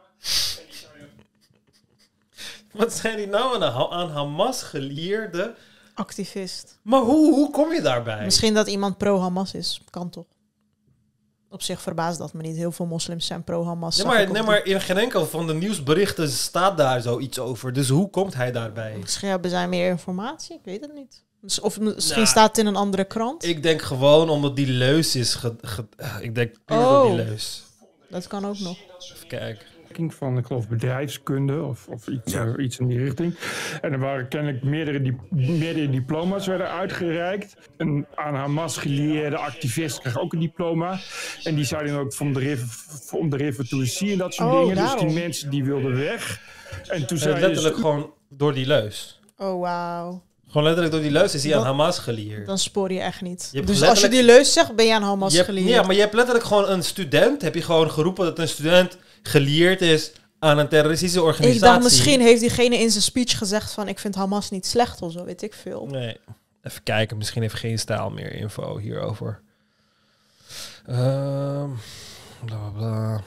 Nee, nee, het gaat echt om die leus, denk ik. Ja. Omdat eh, sommige mensen vinden dat die leus van Hamas is. Ja, Dat Halsema ja omdat Hamas hem ook gebruikt. Ja. Ja. Ja, echt raar om eh, dit soort claims te maken, om terroristische lid te zijn van een terroristische organisatie, claims te maken over een student. Dat is Ja. echt extreem raar. Dat is zo Als ik niet student was, had ik gewoon aangifte gedaan. Ja. van ja, maar, eh, je- het is jammer dat jullie nu weggaan, want ja, dan kan, kan, kan de diploma van jullie zoon niet doorgaan. Maar dan maken we voor jullie een kamertje achteraf. Dus, dus dan moet je dan zelf maar als Jood, moet je dan maar in een, in een kooi gaan zitten. In een kooi. Ja, het is echt kankerdom dat ze dit hebben gedaan. Het is echt raar van die van dat ze dit hebben gedaan. Het is echt een hele grote fout. Maar stop, waarom is deze mensen hun hele leven overdrijving? Dan moet Ja. je maar in een kooi gaan zitten. Alsof de realiteit niet erg genoeg Ja, het is. is al erg. Waarom moet je er een kooi van maken? Het is zo raar. Het is echt zo raar. Dan doe je echt telkens alsof... Waarom overdrijf je de Joodse zaak zo erg? Is het toch zielig om het zo erg te overdrijven voor hun? Ja, ze moesten ook nog eens Davidsterren dragen. En eh vuur Joden eh, verboden stond er eh, op de collegezaal. Echt je kan ook raar. zeggen dat je denkt, we, we verwijderen iedereen. Want er zaten, begrijp ik, gewoon ook mensen met Palestina-sjaals Ja, in de zaal. precies, dus ja. wisten, wisten, bij aanvang wisten ze al, er hangt niet zo'n goede sfeer voor als je Joods bent. Ja. Weet je wanneer je ook geen goede sfeer Maar waarom hangt daar niet een goede sfeer? Mensen mogen er toch een- een sjaal dragen? Ja, maar net was het helemaal geen probleem dat het Israëlisch volkslied gewoon werd afgespeeld. Het was helemaal geen probleem. Ja. Maar als je een Gaza-sjaal hebt... Het is zo raar, hè? Eerst is die leus betekent genocide van de Joden, maar nu is het ook de. Gaza-vlag. ja, ja, maar dit is wat Israël een hele lange tijd heeft gedaan. Want ze hebben heel lang de Gaza-vlag verboden in Israël. Voor een Het hele gaat lange om die tijd. sjaal, niet om die vlag. Die Ja, maar ene- die sjaal is... Oh, nee, maar volgens mij... Hè? Die, Pal- die Palestina-sjaal, dat weet je Oh my god. Noemen ze het een Palestina-sjaal? Ja. Ik dacht gewoon een sjaal in de kleuren van Palestina. Nee, ik denk dat ze gewoon die sjaal bedoelen. Die Wow, Iedereen nu, ja, die, draagt iedereen nu. Oh, maar het heeft niks te maken met Palestina. Jawel. Ik een dacht Palestijnse deze. sjaal. Ik dacht deze, niet met die kleuren van... Nee, dit is niet een Palestijnse sjaal. Dit is gewoon een Arabische... Dit dragen ze nu ook in Rotterdam en zo. Dat heeft toch te maken met Palestina. Want ik, ineens zie ik die sjaal overal. Ja, maar deze sjaal heb je al sinds ik klein ben. eh, ja, oké, maar het komt altijd uit de kast als er weer een oorlog is met Israël en Palestina, toch? Ja, maar ook... dragen mensen toch niet zomaar. Even kijken hoor. Ik wil erachter komen hoe dit ding heet. Dat heet gewoon een Oh, Palestijnse sjaal, hoor. Arafat-sjaal. Ja, Arafat sjaal. Kefia. Ja, die bedoelen ze. Ja, maar hij is gewoon Arabisch. Oh, hij heeft een Palestijnse connectie. Oh ja, tijdens de Arabisch-Palestijnse opstand veranderde de rol van de traditionele kefia. De kefia werd Ja, het wordt ook altijd gedragen bij die demonstraties en zo. Het wordt niet per se elke dag gedragen of zo. Ehm. oh ja. Ja, raar. Ik wist niet dat, ze hem, eh, dat het nu gekoppeld is aan Palestina. sfeer in Europa hing als je Joods werd. Het was in de jaren 30 van de vorige eeuw, maar dat even terzijde. De, en dus dan, dan zeg je dus niet als UvA, we gaan er alles aan doen om ervoor te zorgen dat jullie ook gewoon, want jullie hebben ook alle rechten in dit theater terecht kunnen. Nee, nee, nee, dan zeg je, oh weet je wat, dan maken we voor jullie een kamertje apart. Apartheid noemen ze dat ook wel eens.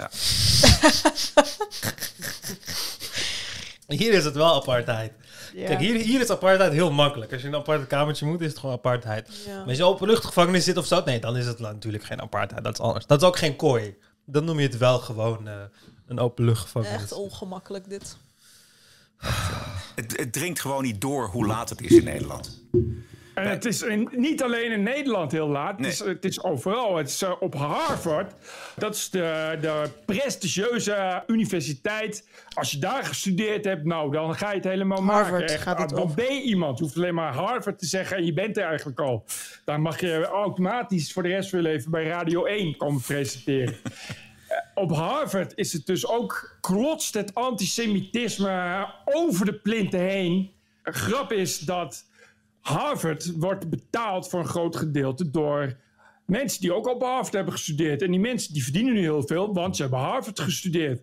Je raadt het nooit, maar die mensen die zijn dus ofwel zelf Joods, ofwel die hebben, zitten niet echt te wachten op antisemitisme. Dus die zeggen nu allemaal, oh Harvard, we beginnen het antisemitisme een beetje zat te worden op Harvard. En als het nou niet ophoudt met het antisemitisme op Harvard, is er straks geen Harvard meer, want dan gaat bij ons de geldkraan dicht. En dat gaat dus heel rap. Want vandaag was er een hele grote bekende hedge fund manager. Het heeft over eh, antisemitisme op Harvard. Wat bedoelt hij daarmee? De Harvard Students Association had dus een... eh, ik wil even die brief lezen ook. Zo, we zijn alweer bijna twee uur bezig. had een brief. ehm, even kijken. Even kijken, waar is die fucking brief? Geef me gewoon die fucking brief. Oh, hier. De, eh, ze hadden de- deze brief geschreven. Harvard's, Harvard's uh, Student Association. The apartheid regime is the only one to blame. Israeli violence has structured every aspect of Palestinian existence for 75 years, from systematized land seizures to routine airstrikes, arbitrary detentions to military checkpoints, and enforced family separations to targeted killings. Palestinians have been forced to live in a state of death, both slow and sudden. Today, the Palestinian ordeal enters into uncharted territory. The coming days will require a firm stand against colonial retaliation. We call on the Harvard community to take action to stop the ongoing annihilation of Palestinians. Ze hadden deze brief eh, ehm, eh, naar buiten gebracht. Antisemitisme is dit blijkbaar. Ik weet niet waar hierin antisemitisme te vinden Misschien is. omdat ze zogenaamd niks zeggen over de aanslag van Hamas of Ja, zo. ja nou, maar je, je zou heel goed kunnen zeggen dat het partijdig is. Dat is het inderdaad. Maar het is want- geen antisemitisme. Maar het is geen antisemitisme. Maar wat is er hierna gebeurd? Nadat deze, eh, deze ding was gesigned en was gedeeld, eh, was, werd het heel groot nieuws. Vervolgens werden de, de mensen die deze brief hadden ondertekend, werden gedoxt. Dus een achter, eh, hun, hun identiteit werd achterhaald. En vervolgens werden hun namen en foto's van hun gezichten werden op ehm, billboards en eh, op websites gezet. En bedrijven stuurden dit door, Joodse bedrijven stuurden dit door, om te boycotten dat deze jongens ooit nog bij die bedrijven kunnen werken. Alle grote bedrijven werden de lijst doorgestuurd van als deze mensen bij jullie solliciteren, neem ze dan niet aan. Ja. Het is fucking gestoord om mensen die dan een kant kiezen in zo'n eh, ding. Die En- hebben nu geen carrière meer. ja, die kunnen nu geen carrière meer maken. En, en hiermee, het irritante hiermee is ook, dat hiermee ga je juist de hele Joodse conspiracy van, oh ja, Joden hebben alles in macht en weet ik veel wat allemaal, ga je juist voeren hiermee. Want je, je, je, probeert letterlijk zo'n conspiracy te creëren dan. Het is Ja. zo raar. En dan ze roepen hun van, roepen deze podcast guys dan ook van, oh ja, en Harvard extreem antisemitisch. En als ze er niet mee stoppen, gaan ze geldkraan dichtdraaien. Echt kapot raar, man. We noem gewoon de feiten op in plaats van... eh, Ze zeggen ook dat die Joden de geldkraan dicht hebben gedraaid. Misschien is dat ook waar. ja, nou, ik weet niet. eh, ik denk niet dat Harvard heel erg veel Joods geld nodig heeft. Het is gewoon een dure school. Het komt gewoon van de studenten. die ook heel veel geld doneert aan Harvard. En die nu rechtstreeks tot de baas van Harvard heeft gezegd dat hij er scheidsziek van wordt. Dat er nog steeds antisemitisme op Harvard is. En dat als er niks aan gedaan wordt. Anti-Israël is niet antisemitisme. Ja. Is het Echt gewoon niet. eh, basics. Is het gewoon niet. Gaat het ook nooit zijn. Is het niet. Wordt het al een beetje klaar is met Harvard.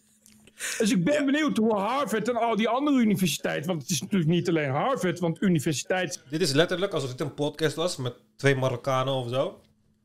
En dan is het van. Is het van. ehm, ja, nou, Nederland heeft gewoon kritiek op eh, die, die mensen die werken in Qatar. Dat is gewoon islamofobie. Dat is islamofobie. Kritiek op Qatar is islamofobie. Het is letterlijk dat. Het is letterlijk, dit is de Ja. logica, letterlijk. Ja. Anti-Qatar is islamofobie. dit is letterlijk de logica. Het zijn een broeiplaats van antisemitisme. Omdat universiteiten links zijn en links. En antisemitisme. Antisemitisme is toch een beetje het cocaïne voor links. Wat? Echt rare uitspraken. Volgens mij zijn letterlijk alle Joden eh, conspiracies over dat de Joden de wereld runnen. En dat de elite dan eh, allemaal eh, eh, met, met weet ik veel, met geest en weet ik veel wat samenwerkt. En kinderen bloed drinkt en weet ik veel wat allemaal. Het zijn allemaal rechtse conspiracy theories, babes. Het zijn gewoon allemaal rechtse conspiracy theories. De reden waarom Thierry Baudet totaal niet achter Israël staat, is omdat hij Joden niet mag ook. Ja, en Dries van Langehoven ook. Ja, die, mag, die mogen Joden niet. Want juist antisemitische, antisemitische eh, conspiracy theories, die zijn juist het meest actief in extreemrechtse kringen. Waar heb je Ja, het in de en hemelsnaam ook bij over? orthodox christenen. Ja, echt zo raar. Ja, Denk zeker. ik. Ja. Dus al die universiteiten hebben nu best wel een groot probleem. Zo waren er vorige week. Ik vind het ook raar dat hij het nog steeds een broeiplaats van antisemitisme noemt. Ja, overdrijf gewoon alles en frame het gewoon zoals je Maar wil. liefst 200 prestigieuze Amerikaanse advocatenkantoren die eh, honderden universiteiten hebben aangeschreven met het verzoek eh, op te houden met antisemitisme, omdat ze geen zin hebben om mensen die rechten hebben gestudeerd aan een universiteit en zich ook antisemitisch uit, te laten, uit hebben gelaten, nog langer een stageplek of een baan te voorzien. Omdat ze nou helemaal geen antisemieten op de advocatenkantoren willen hebben. Dus je begrijpt hoe leuk het nu is op al die prestigieuze universiteiten. Ja. Cambridge, nog zo'n topuniversiteit, is ook overspoeld met woke-activisme en antisemitisme. En desondanks werd toch die Amerikaanse conservatief Ben Shapiro uitgenodigd om Ik heb nog steeds geen één voorbeeld gehoord van antisemitisme. Nee. Nog steeds niet één. om in debat te gaan met studenten. Omdat Shapiro niet alleen conservatief is, maar ook een Joodse man, probeerde een grote groep pro-Palestijnse demonstranten hem de toegang te ontzeggen tot Cambridge. Dat lukte niet helemaal, maar ze bleven. Oh, dat, is, dat maakt het antisemitisch dan, of zo. Nee, maar, er, hè? Maar iemand zegt, hij zegt ook, omdat hij niet alleen bla bla bla, maar omdat hij Joods is, Ja. werd hem de toegang. Niet omdat hij Joods is, omdat hij Ben Shapiro is. Ben Shapiro wordt gehaat in, op universiteiten. Want universiteiten doorgaans links zijn. Ben Shapiro wordt gehaat. En Ben Shapiro, elke keer als hij wil spreken ergens op een universiteit, wordt hij of uitgejoeld of proberen ze hem te blokkeren en weet ik veel wat. Het is niet omdat hij Joods is. Dus, eh, het is zo raar. Even kijken, wat zei hij precies? Langs werd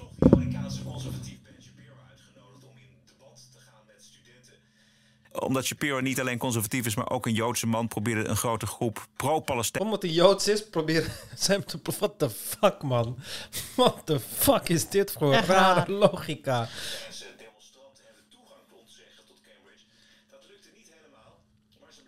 nog lang leuzen roepen. En dat was ook in de zaal te horen. Eh, ben Shapiro stelt zich de vraag: wat is er aan de hand in het Westen? Dat zoveel mensen in pro-Palestina demonstraties Israël het liefst zien verdwijnen van de river to the sea. En eh, Ben is een snelle prater, eh, dus hij zegt veel in korte tijd. The real question is why that has become such a common sentiment in the West. You see 100,000 people marching in the streets of London in a pro Hamas rally. Or why it is you see widespread sentiment honeycombed throughout American universities and universities throughout the West in favor of Hamas after Hamas committed the worst pogrom against Jews since the Holocaust. And let me be extremely clear about this. I brought some visual aids for those people who don't actually believe what is eminently true, which is that Hamas is not the same as the West. Hamas is not morally equivalent to Israel. If you don't believe me, this is what Hamas is. Hamas is murdered babies, babies burned in their cribs. What Hamas is, is Shani Luke. Shani Luke's body was, her head was found today, her skull was found today. She's a young woman, she's 22 years old, and she was murdered by Hamas and taken back to the Gaza Strip where she was put in the back of a truck.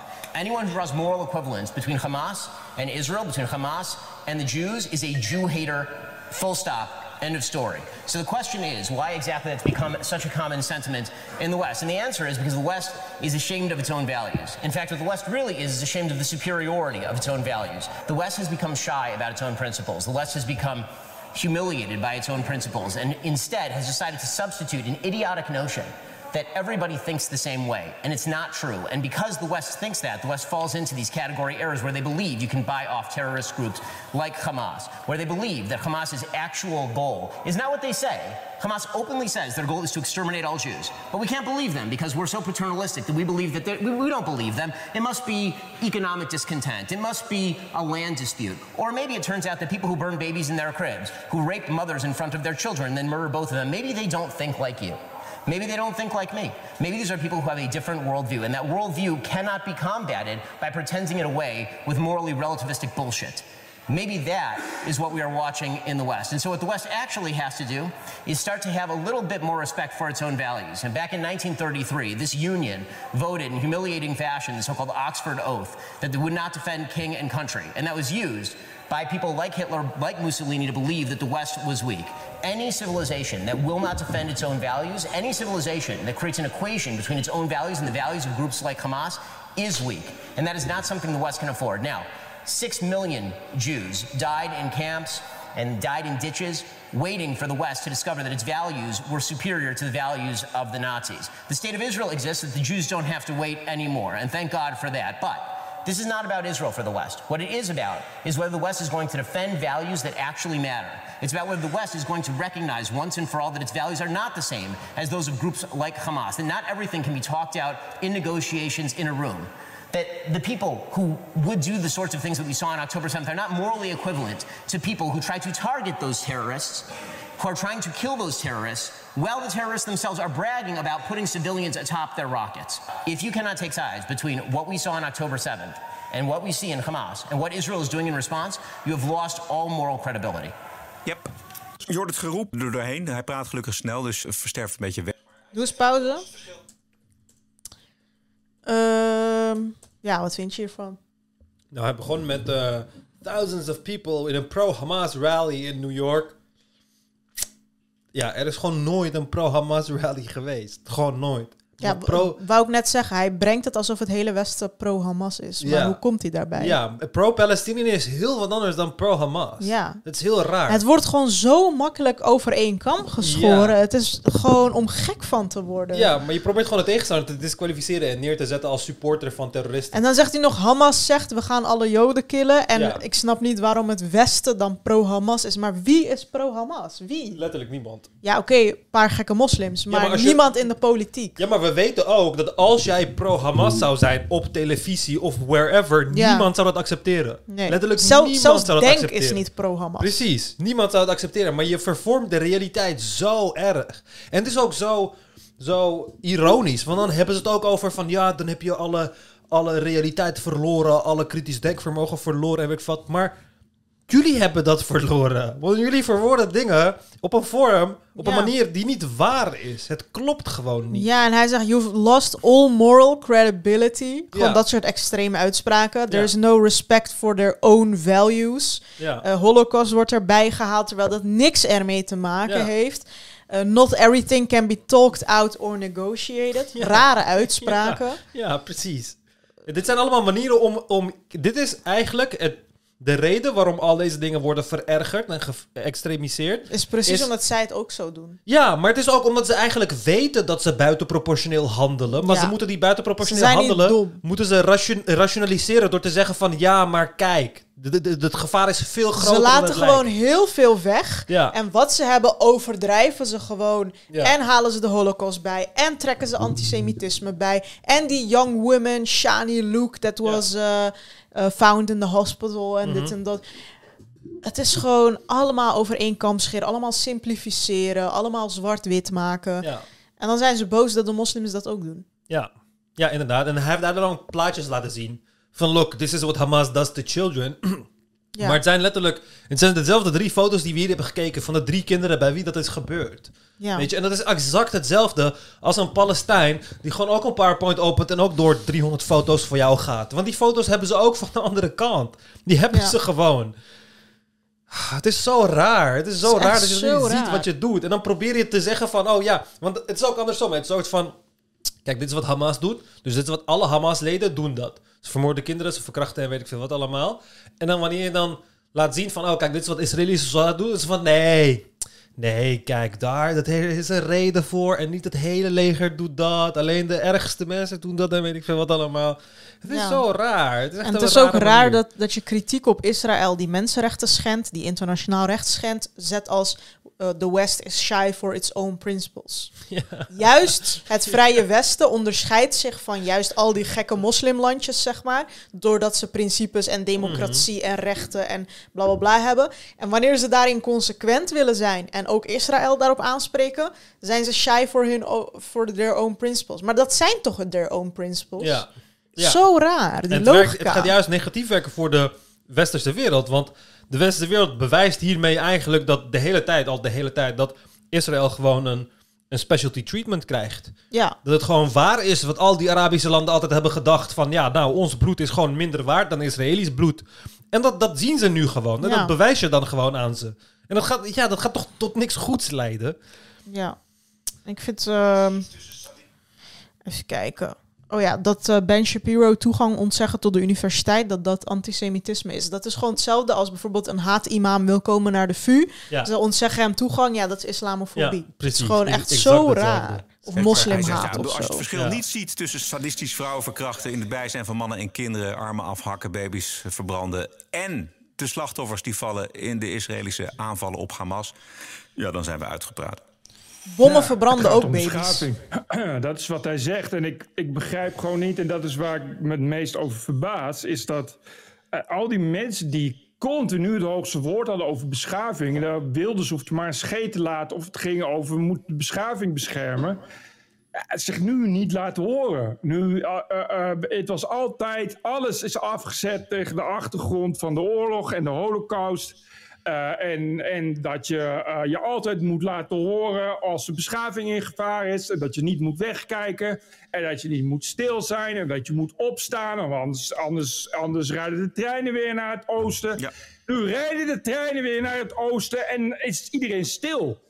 Waar? waar? Welke Waar? treinen? Waar rijden er treinen naar het oosten? Waar? Er zijn gewoon zoveel meer Palestijnen. Er zijn letterlijk meer kinderen vermoord dan dat er Israëlische slachtoffers zijn. Veel meer. Dus waar rijden de treinen? Hou je gewoon aan de feiten. Het is zo raar om zo erg te overdrijven daarin. Ik vind Ja. dat zo, het is gewoon liegen, man. Het is gewoon letterlijk liegen. Om het, je probeert het zo erg te overdrijven. Voor Ja. welke reden? Als je gelijk had, hoefde je niet zo erg te overdrijven. Ja, precies. En lopen door de hoofdsteden van Europa honderdduizenden lopen met vlaggen en posters om Hamas aan te moedigen. Ja, maar wie doet dat? Om Wie? Hamas aan te moedigen. Wie doet dat? Wie heeft... Oh mijn god, ze doen Een het... deel van die mensen zal dat doen. Ja, er maar zal vast een klein deel zijn van die mensen die dat doet. Net Een zoals je groot een klein deel- deel van de Israëliërs hebt die gewoon zegt... Ja, fuck alle Arabieren, bombardeer ze plat. Die mensen ga je altijd hebben. Maar om te roepen dat honderdduizenden mensen... Luister, als er honderdduizenden mensen in de straten van Europa waren... die een terroristische organisatie steunen... dan had je het overal wijd in het nieuws gezien. Ja. Het is niet zo dat we dat dan gewoon negeren of zo. Maar dan zou je ook geen bijvoorbeeld Palestina-vlag aan de balkons hebben, maar gewoon eh, ik ben voor Hamas of zo, of weet ik veel wat. Ja, eh. gewoon die, die eh, ja. ja, gewoon zo'n islamitische vlag met zo Arabische tekentjes en zo, weet ik veel wat. Ja. En dan zouden ze, dan zouden ze niet, de kijk, de leuzen die ze uitspreken, zit geen Hamas in. Nee. Nee, maar de leuzen die ze uitspreken van Palestine will be free from the river to the sea, dat is dan wel opeens antisemitisme en een genocide voor Joden. Dus wat kunnen mensen, op welke manier kunnen mensen Palestina steunen zonder dat ze Hamas de Ha- Hamas steunen of antisemitisch zijn? Want op dit moment lijkt het alsof er geen enkel mogelijkheid is om dat te doen. Ja. het maakt niet uit wat je doet, je steunt Hamas of je bent antisemitisch. Misschien bedoelen zij dat, ze- dat ze zeiden gas the Jews en Taliban-vlaggen hadden en zo. Ja, maar hij zegt honderdduizenden door Europa. Ja. Dat zijn kleine, kleine akkefietjes die, daar- die er zijn gebeurd. Dus die mensen heb je. Niemand zal ooit ontkennen dat je die mensen hebt.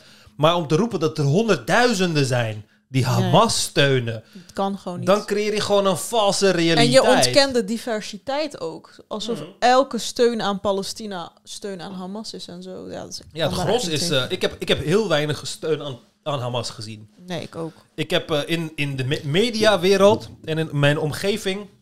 heb ik meer steun gezien voor het Israëlisch leger... dan ik heb gezien voor Hamas. Dus eh, ja... En zeggen die mensen niks en is de media vooral druk met het demoniseren van Israël. Terwijl ja, je zou toch denken dat daar iets meer begrip dan voor, voor bestaat. En dat die mensen zich iets meer rekenschap geven van wat er gaande is en wat er is gebeurd. En, en, en wat Hamas wil en waar Israël tegen strijdt. Omdat het dus om beschaving gaat. Ja. Ja, dus dan kun je eigenlijk tot de conclusie komen dat, dat we kunnen wel 80 jaar lang herdenken, maar dat levert Ja. maar heel weinig op. Te weinig om het gewoon nog een keer te doen. Het, wat het oplevert is dat we eh, over een paar dagen in Amsterdam blij moeten zijn dat de Kristalnachtherdenking doorgaat, omdat de burgemeester daar moedig genoeg voor is. In andere plaatsen gaat hij niet door, omdat de burgemeester zelfs zonder enige vorm van dreiging vooraf al heeft besloten dat het toch maar weer tijd is dat de Joden eh, dan maar in een veilig koordje moeten gaan zitten. Ja. Dus dat is waar het op uitloopt. Ja. En waar het op uitloopt, dus toen kun je dat op je vingers natellen, is dat er straks eh, een kristalnachtherdenking is, terwijl het tegelijkertijd een demonstratie is van mensen die het nodig vinden om Hamas aan te moedigen. Ja, precies. Daar zit dan Extinction Rebellion bij en, Ja. en Kick uit Zwarte Piet. En bij één. En bij één, precies. Mensen van GroenLinks. Dat is wat er eh, is geworden van, eh van eh, 80 jaar en dat nooit meer. Lijkt allemaal een beetje voor niets te zijn geweest. Verschrikkelijk. Ik vind dat Al die mensen hebben werkelijk geen flauw idee waarom Israël eigenlijk, waarom eigenlijk een klein land als Israël een leger heeft van 300.000 reservisten. En waarom ze in Tel Aviv allemaal met een M16 op straat lopen. En waarom ze de hele dag relentless bombarderen in Gaza. Daar hebben ze geen enkel idee van. Het komt geen moment bij ze op dat het misschien zo is dat dat de laatste paar miljoen Joden zijn. Die nou niet echt veel anders kunnen dan, dan maar zichzelf verdedigen. Omdat ze anders helemaal worden uitgeroeid. Oh, fuck it, jongen. Ik word er zo moedeloos van worden. Het... Wij kunnen er ook moedeloos van worden. Ja, ik, eh, ik, eh, ik begrijp het. Ik begrijp niet hoe de populatie van Joden in Israël niet één keer is gekrompen in de laatste 50 jaar. In de laatste 80 jaar, sorry. Niet één keer is de populatie gekrompen. Maar het gaat constant over, misschien zijn dat wel de laatste Joden. Nee, misschien. De kans is veel groter. De kans is zoveel maal groter dat de Palestijnen die je nu hebt in Israël de laatste Palestijnen ooit in Israël gaan zijn. Die kans is vele malen groter. Echt vele, vele malen In een andere groter. podcast zeggen ze trouwens dat Palestina de snelst groeiende bevolking is of zo. Ja, je hebt heel veel kinderen gehad inderdaad. Als, jou, als jouw kinderen... Nee, het is, niet de snelst groeiende hoor. Of eh, dat ze in ieder geval dat er nooit sprake kan zijn van genocide en dat dat al tientallen jaren wordt geroepen. Terwijl ze. 3,57. 3,57 geboorten per vrouw. Dus dat is eh, iets boven Israël. Israël is 2,90. Iran is nog veel lager. In een podcast zeiden ze van ja, ik hoor al tientallen jaren genocide terwijl ze gewoon groeien. Ja, ik bedoel, ik hoor ook al tientallen jaren dat ze de Israël Is Israëliërs proberen uit te roeien, maar ik zie ze ook alleen maar groeien. Ja. nee, maar ehm, eh, een, onder een genocide kan ook verdrijving eh, vallen. Je hoeft ze niet allemaal te vermoorden. Als je ze allemaal uit je land verdrijft, dan doe je ook aan genocide in principe. Ja, dat- deportatie. Dat valt, da- dat valt daar in principe ook onder. Maar ehm, ja, het hele idee dat, het, dat ze het in Israël zo zwaar hebben, ja, sorry. Even kijken, zo naar Israëls population kijken, is... eh, Ik vind het echt een rare uitspraak dat ze, denk, dat ze zeggen herdenken 80 jaar lang en dat nooit meer is allemaal voor niks geweest. Nou, Israël eh, groeit toevallig een stuk sneller dan Palestina. Ja. Door die orthodoxe. Jesus Christ. Ja, en je hebt eh, nou evenveel Israëliërs als Joden in New York. Dus ja, het hele idee dat als Israël dat, daar misschien maar het laatste paar miljoen Joden zitten, terwijl je letterlijk evenveel Joden hebt in New York, is best wel, ehm, ja, hoe zou je dat noemen, een leugen. Het is zo erg raar gepresenteerd. Oh, misschien zijn het wel de laatste paar miljoen Joden daar. Die kunnen ieder moment dood. Weet je wat ik ook vals vind? Dat ze steeds zeggen verbrande baby's, dit en dat. Terwijl, ja, bommen verbranden zeg maar ook baby's. Ja. En er zijn gewoon veel meer baby's vermoord. Ja. Gewoon veel meer. Eigenlijk zeg je daarmee tussen de lijntjes door één Joodse of Israëlische baby is, eh, die verbrand is, is meer waard dan Ja. vijf aan de andere kant. Ja, natuurlijk. Ja, dat is wat je... Kijk, laatst... Israël heeft bijvoorbeeld... eh Israel kills children. Eh, bla. Ik wil het in een bank. Oh. Bank. Spike in, in Israel. Israeli killings of Palestinian children. Ja, dit is van een paar dagen geleden. Ehm in vorig jaar, last year, 2022, was the deadliest year for Palestinian children in the West Bank in 15 years. And 2023 is on track to meet or exceed uh, 2022 levels. Israeli forces had killed at least 34 Palestinian children in the West Bank, hè, waar je geen Hamas hebt. Waar je letterlijk geen Hamas hebt. Human Rights Watch investigated four fatal shootings of Palestinian children by Israeli forces between November 2022 and March 2023 dit is niet barbaars. Dit is, niet, dit is allemaal normaal. Uh, uiteindelijk komt er een onderzoek en dan wordt uh, de, de soldaat die het heeft gedaan wordt gedisciplineerd. Maar als ik dan zeg, Israëlisch leger is extreem barbaars. Ze hebben niet dezelfde ethiek die we hebben in het Westen. Ze schieten kinderen dood. Dan mag dat niet. Dan is dat van nee, kijk, je hebt gewoon sommige soldaten die dat doen en weet ik veel wat allemaal. Maar zeg vooral wel dat Hamas gewoon alle Hamas-soldaten gewoon kinderen vermoorden. Zeg dat vooral wel. Dat mag gewoon. Want dat zijn gewoon van die beesten die dan het zijn allemaal zo beesten en dan zoeken ze kinderen om te vermoorden. Het is zo erg. Hoe kan je gewoon niet inzien dat beide kanten in het conflict extreme dingen doen omdat ze horen dat de andere kant ook extreme dingen heeft gedaan. Dus de haat ervoor zorgt dat beide kanten bereid zijn om gewoon kinderen te vermoorden. Beide kanten zijn bereid. Of je het nou wil verbranden, of neerknallen, of er een bom op wil gooien. Het maakt me letterlijk geen reet uit. Beide kanten zijn bereid om kinderen te vermoorden. Het is gewoon zo raar om te doen alsof het alleen Hamas is. Dat Hamas allemaal beesten zijn waarbij dat gebeurt. En Israël zijn allemaal, nee, die zijn extreem lief. We hebben niet duizenden voorbeelden van dat er kinderen zijn vermoord. Dat er kinderen, ah, jezus, als levend schild zijn gebruikt. Dat er kinderen met een sniper zijn geknald en dat ze gingen lachen van achter de sniper. Dat hebben we allemaal niet, joh. Nee, Hamas doet al die dingen. En Israël, die verdedigt zichzelf gewoon. Want misschien hadden deze jongens de Joden uitgeroeid. Een twaalfjarig jongetje, die had misschien wel de Joden uitgeroeid. Zo raar. Ja, ik ook. Ik heb de afgelopen weekend ook weer al die demonstraties die je voorbij ziet komen. Uh, en de dingen die je ziet. Uh, uh, David sterren die op huizen worden gekookt. Ja. Van hier wonen Joden. En you name it.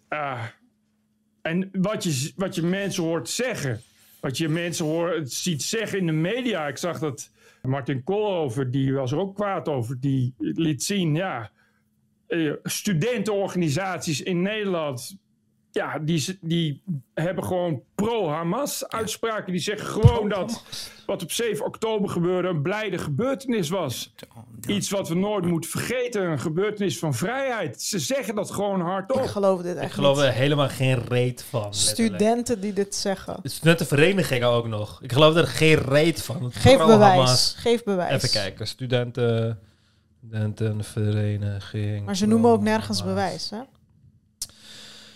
Ehm, Dat het een blijde gebeurtenis was en dat het een ding van vrijheid was. nou, echt letterlijk nergens. Nee, ik denk het niet. Niks over te Als vinden. iemand dit kan vinden, stuur link in de comments. Letterlijk er niks over vinden. Ik denk dat ze gewoon weer die leus bedoelen. Ja, maar ook Zoals dat- ze alles koppelen. Ja, maar ik kan, ook geloven, ik kan ook geloven dat iemand gewoon zegt van... Ja, nou, het was te voorspellen dat het zou gebeuren. Want het is een openluchtgevangenis. Dus het- daar zou ooit uitgebroken uit worden. En het zou met geweld gebeuren. Dat kan je zeggen. Maar dat is heel wat anders dan roepen dat je er blij om bent dat het is gebeurd. Ja. Dat is echt heel raar. Echt... ah. Waarom leven deze mensen in zo'n alternatieve realiteit? Ik begrijp het niet. Waarom? En dat gebeurt gewoon aan, aan universiteiten in Nederland.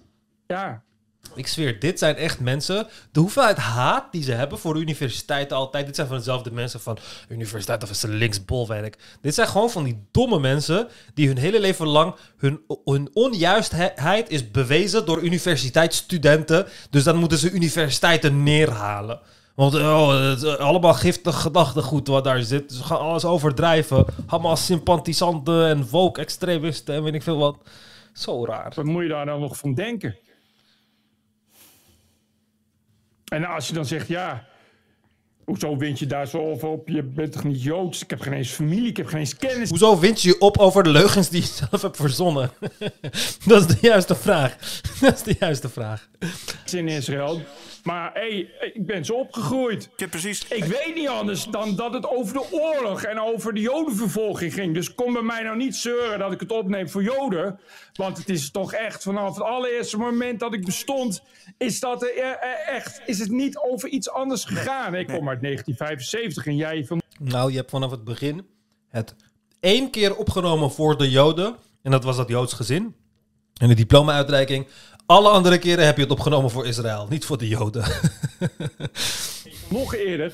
Dus toen was het toch niet zo heel lang geleden ook die oorlog. dus, dus ja, de schuld voor de jodenvervolging lag er nogal dik bovenop. Er is echt geen 4 mei voorbij gegaan. Of, of we moesten weer naar Anne Frank kijken en het dagboek lezen. Dus ik kan moeilijk dan nu ineens voorbij gaan aan het leed wat joden weer wordt aangedaan. Is het wel? Dat was toch het grote kompas. Het morele kompas waarop we ons morele kompas moesten eiken. Die jodenvervolging. Uitgerekend Nederland, waar juist zoveel joden werden weggevoerd. Tegen 7 euro werden joden verraden. nu verraden ze joden gratis. Godverdomme. Ja, dat is toch? Hoe kan je zelf zo 80 jaar voor opvinden om iets wat je hebt verzonnen? Dat Ze overdrijven alles en dan worden ze boos van de overdrijving. En dan is het van, oh ja, je bent zo boos. Ja, maar je bent boos op je eigen overdrijving. Je bent letterlijk boos op... Je bent boos omdat er honderdduizenden pro-Hamas supporters door de straten van Europa lopen. Maar hebt het echt, verzonnen. ik ben echt speechless dat ze zeggen het werd voor 7 euro gedaan, nu doen ze het gratis. Alsof er nu alweer gaskamers staan. Ja, zo. maar ja, hebben deze mensen tijdens corona ook allemaal vergelijkingen gemaakt tussen Joden en... eh, Nee, zij waren juist pro-vaccin en lockdown. nou, dan was dit de druppel blijkbaar. En toen hadden ze nog heel veel volgers verloren. Hoe kan je zo een vergelijking maken? Hoe kan je, zo, hoe kan je het afkeuren van buitenproportionele eh, geweld en burgerdoden gelijkstellen aan het verkopen van een Jood? Hoe? Like, hoe? Dan heb je toch nul respect voor de Joden? En hij zegt, we gingen elke 4 mei Anne Frank lezen. Per se moet er zo'n Palestijnse Anne Frank boek geschreven zijn of zo. Dat ze snappen dat het soort van hetzelfde is, zeg maar, of zo. Oh my een natie die er helemaal geen fuck van bakt. Die vroom op 4 en 5 mei roept dat het nooit meer mag plaatsvinden. Maar als het puntje bij het paaltje komt, dan worden weer de Joden apart gezet. Maar gewoon niet snappen wat Israël is. Niet snappen Nee, waar precies. Israël uit is ontstaan, niet snappen snapt iedereen. wat dat precies zegt, wat de betekenis is voor Israël. Niet alleen voor de Joden, maar voor de beschaving. Voor de beschaving van het Vrije Westen. Weet je, niet begrijpen wat er gebeurt als Israël wordt weggevaagd van de rivier naar de zee. Wat er dan van ons overblijft. Wat er dan nog van, van onze beschaving overblijft. Dat je dat niet snapt. En dat je dat niet snapt omdat je nu 18 bent en al je informatie van TikTok en eh, Instagram haalt. Is één Oh nee, ik moet van een TPO-podcast. maar is elke claim letterlijk gewoon overdrijven en er leugens aan toevoegen. Ja. één ding.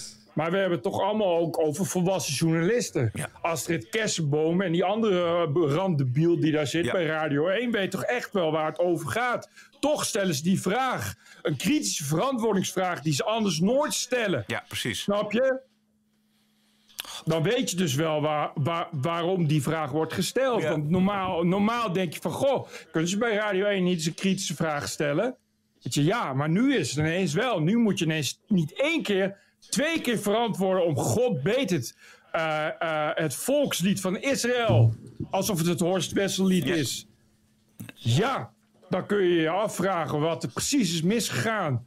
Misschien hebben die mensen wel elke keer 4 mei gemist. Weten ze echt niet wie Anne Frank is. Maar I doubt it. Ik denk dat die mensen dat heel goed weten. Sterker nog. Ja, wat? Ik Wat is, echt niet wat Anne Frank hier wat is de heeft. Dit is zo raar. De Joden, je mag geen kritiek hebben op Israël, want de Joden zijn ooit vervolgd. Het is zo raar, Oh, ik word dit. er zo moe van. Dit is echt zo raar. Het is zo vals ook. Ik denk dat eh, Astrid Kersenboom en die randdebiel van Radio 1 wel elke 4 mei op de Dam staan. Het liefst vooraan, zodat ze ook een beetje zichtbaar zijn met de camera. Kijk, ons is deugen op 4 mei. Maar nu het puntje bij paaltje komt en er echt gedeugd kan worden, is het ineens, zijn ze niet thuis. Dan zeggen ze ineens, daar is de draaikast. Meneer van de groene politie, ik hoef je 7 gulden ook niet, want ik doe het gratis. Graag gedaan. What the fuck gebeurt er? Dit is zo raar. Nou, ik heb me wel echt genoeg opgewonden over, eh, eh, over. Israël en de Joden. Ja. Maar iemand moet het doen, Ja, ja, is goed, een beetje weinig in de media en in de Nederlandse media.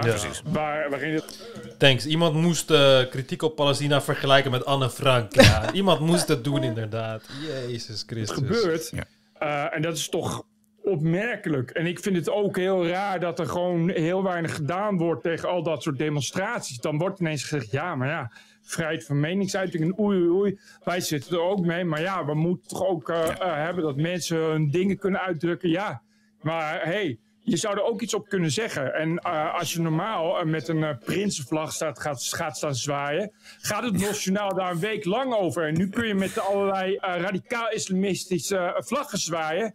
En er is niemand die iets zegt. En dan zegt zelfs de deskundige van de politie: ja, nee, dat is, niks, dat is niet erg. Er is niks aan de hand. Weet je, dus die stilte, die oorverdovende verschrikkelijk, stilte. verschrikkelijk, verschrikkelijk. Het continu niks, niks zeggen. Als daar, wordt, als daar eh, posters van ontvoerde kinderen van, van muurtjes worden getrokken en worden beklad. En als er, eh, het museum in Amsterdam wordt beklad door een of andere achterlijke actiegroep, dat je daar dan niks van zegt. En dat het allemaal maar prima is. Dat je dat allemaal maar laat gaan in de media. Dat vind ik toch wel heel, heel erg zorgelijk. Volgens mij was de Universiteit van Amsterdam ook nog bij die diploma-uitreiking... Had, eh, in de- op de dag zelf, vrijdag, had gezegd... ja, er is ook sprake van vrijheid van meningsuiting.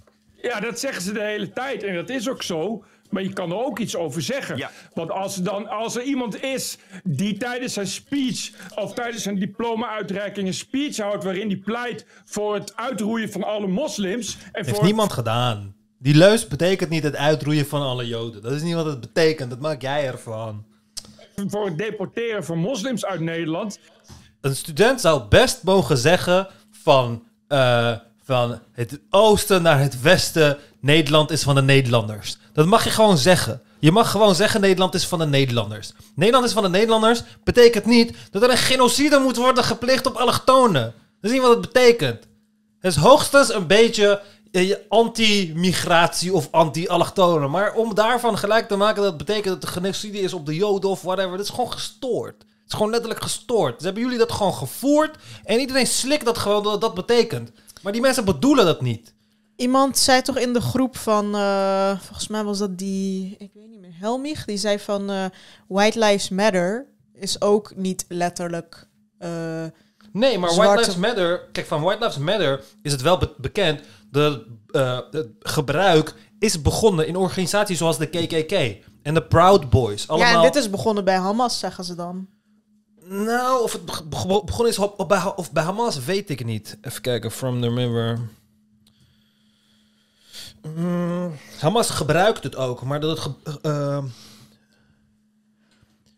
ja, de PLO is ermee begonnen. Kijk, originally a political slogan, it, had been, it has been in use by Palestinian political groups since the 1960s as a call for Palestinian liberation.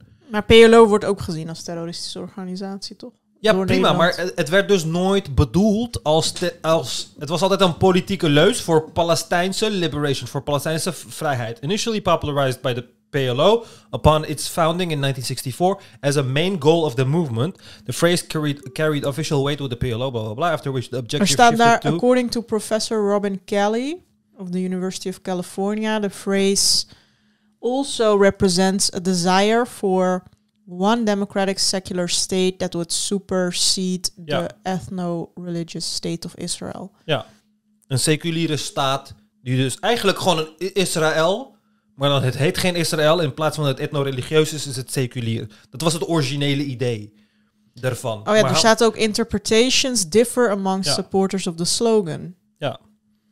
Er is hier ook, even kijken, bla bla bla. Hier, the, the slogan has been used by militant groups, including Hamas and Palestinian Islamic Jihad, that have vowed to destroy Israel.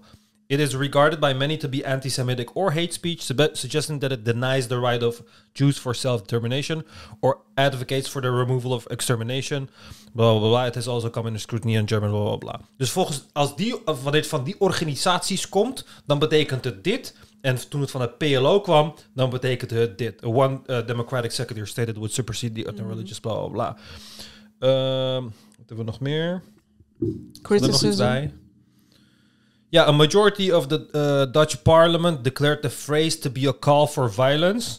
Politicians in Austria and Germany have also considered classifying use of the phrase of a criminal offense. En dit is dus het rare, want letterlijk een maand voor de, ehm, voor de aanval was er een zaak waarin er dus een jongen voorkwam die en deze leus roepte en een islamitische vlag had. En beide zijn toen door het eh, gerechtshof en door de eh, eh, openbaar ministerie zijn ze benoemd als het is niet strafbaar en het roept niet uit op geweld. En vervolgens heeft het hele parlement, de majority van het parlement, gezegd nee, het is wel een call to violence. En dan denk ik van, waarop is dat gebaseerd dat het dan nu wel een call to violence Ja, is? omdat zij dus die interpretatie volgen. Ja, maar Dat daarom, is- dus dan kies jij er gewoon ervoor welke interpretatie daarachter ligt, weet je? Ja. Terwijl het hele idee dat, ehm, dat al deze mensen die op straat, bijvoorbeeld de- deze mensen, nou een pro-Palestinian ding. Het idee dat deze mensen eigenlijk oproepen om een genocide te plegen op de Joden is een vrij grote claim. Het is gewoon een vrij grote claim. En hetzelfde geldt voor studenten die dat allemaal doen, zeg maar. Maar kun je dat nou niet zeggen over White Lives Matter, dat sommigen dat niet zo bedoelen? Kijk, bijvoorbeeld, a similar slogan was used in, 19, in a 1977 election platform of the Israeli political party Lik- Likud, which stated that between the sea and the Jordan there will only be Israeli so- sovereignty. Some commentators have referred to Israeli occupation as a policy of Israel control and oppression of Palestinians from the river to the sea. Dus eh, dezelfde ding is gebruikt door de partij van letterlijk Bibi. Maar dan betekent het niet genocide op de Palestijnen of zo. Want eigenlijk wordt ook overal gezegd van. ehm, eh, bla bla bla. Hier, the slogan has been used widely in pro-Palestinian protest movements. It has often been chanted as pro-Palestinian demonstrations, usually followed or preceded by the phrase Palesti- uh, "Palestine will be free." Interpretations differ amongst supporters of the slogan. Civil figures, activists, and progressive publications have said that it calls for a one-state solution, a single secular state in all of historic Palestine, where people of all religions have equal citizenship. This, this stands in contrast to the two state solution, which envisions a Palestine state existing alongside the Jewish state. Oh ja, het betekent dus gewoon wa- one state solution in plaats van two This usage has been described as speaking out for the right of Palestinians to live freely in the land from the river to the sea, with Palestinian writer Youssef Munayyer describing the phrase as a rejoinder to the fragmentation of Palestinian land and people by Israeli occupation and discrimination. Others have simply said it stands for the equal freedom of dignity of the Palestinian people. Maar het, het hele ding is van waar gebruiken de meeste mensen het voor? Wanneer je het op straten hoort of bij zo'n UFA of weet ik veel wat, bedoelen ze dan vrijheid voor Palestijnen? Of bedoelen ze dat Joden, Genocide. genocide, genocide moet gepleegd worden op Joden? Het is echt heel raar. En het is echt vanaf het begin is het, kijk, het is daarom, daarom heb ik ook een paar keer herhaald dat deze leus, de Palestijnse vlag, de Palestijnse kleuren, al die dingen zijn al eens een keer verboden geweest in Israël onder het mom van antisemitisme. Ze hebben letterlijk de vlag van Palestina verboden onder het mom van antisemitisme. En deze leus wordt al fucking lang gebruikt. Hij wordt al fucking lang gebruikt. Maar nu, vanaf dit jaar, hebben ze naar buiten gebracht. Het is antisemitisch. Het is antisemitisch. En overheden in de wereld hebben het gewoon overgenomen. Terwijl onze rechters hebben bepaald dat het na onderzoek hebben bepaald dat het niet oproept tot geweld of antisemitisch is, heeft, het, heeft, heeft de Tweede Kamer gewoon gezegd van, weet je wat, wij vinden wel dat het zo is. En dat is gewoon heel raar. Het is gewoon heel raar om ieder die dat... Eigenlijk elke leus die opkomt voor een vrij Palestina kun je herinterpreteren als de Joden moeten dood. Ja, precies.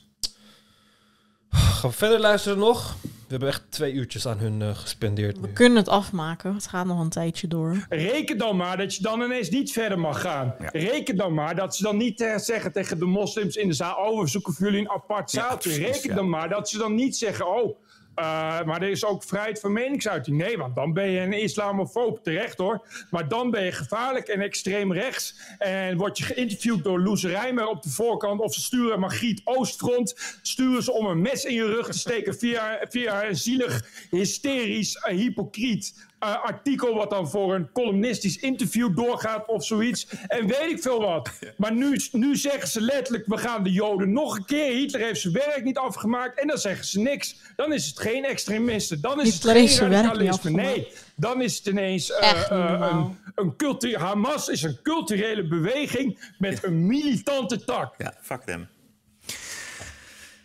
Tot slot nog twee dingetjes. Afgelopen vrijdag hebben we het gehad over de, het, het, het oorlogsgevaar in het noorden, Hezbollah in Libanon. Eh, we waren nog te vroeg voor de speech van Hezbollah-leider Nasrallah. Uiteindelijk bleef het bij woorden. Dit is een korte samenvatting. Uh, we listened to Hassan Nasrallah's long and rambling speech. I admit it was so boring. I don't know whether his speechwriter was killed in recent IDF strikes on Hezbollah up in the north. I would note that despite the large crowds, Mr. Nasrallah himself was not on stage. He was hiding in a bunker uh, like a coward. And if I were giving a long hour long speech defending the pedophile rapists of Hamas, I would be afraid to show my face in public as well. Ja, precies. Juist. Dit was een Israëlische satiricus. En dan tot slot nog iets over, want dat vond ik toch wel prachtig. En nog even terug naar die verkiezingscampagne. Lesje discussiëren van Geert Wilders. Hij staat tegenover Rob Jetten en veegt met hem de vloer aan in minder dan een minuut. En ik zeg u, met het vertrouwen zit het snor. Hè? Het is niet mijn partij eh, die, maar uw Oh ja, dit gaat niet meer over Israël. Nou, we zijn klaar. Zo, het was een lange zit. Ja, nou, ik vind het echt een hele rare vorm van eh, een podcast maken. ja. Gewoon keihard en keihard overdreven en gelogen. En dat is gewoon prima. En de ironie, dat zien ze dan gewoon niet in. Ja, precies. Maar ik begrijp dat hoor. Ik begrijp heel goed dat als je in een bepaalde bubbel zit, dan is het gewoon heel makkelijk om eh, ja, de ene partij gewoon weg te zetten als, eh, als complete ja, barbaren. En dan is alles geoorloofd om ze te vermoorden. Want ze zijn zo gevaarlijk. En als we ze niet tegenhouden, dan worden de Joden uitgeroeid.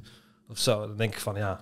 Er is dus nog één podcast van Wier Duk, waarin hij het ook heel erg opneemt voor Israël. Maar ik weet niet of we dat ook nog eens Maar gaan. wat is het met deze mensen die het dan zo erg opnemen voor Israël?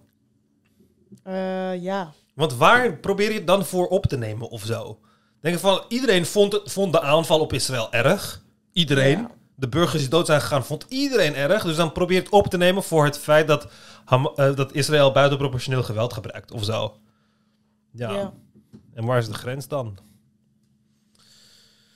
Ehm, ja. Maar nou, oké. dankjewel voor je rant. Ik eh, ben speechless. Ik heb er sowieso niks meer over, over te zeggen. Behalve dat het gewoon vol zit met overdrijvingen en leugens. En dat niemand blijkbaar geïnteresseerd meer is in de feiten. Ja. Dus eh, ja, I wish them luck gewoon. Ja, precies. En eh, tot de volgende keer. Dankjewel voor het luisteren. Nou, tot de volgende keer.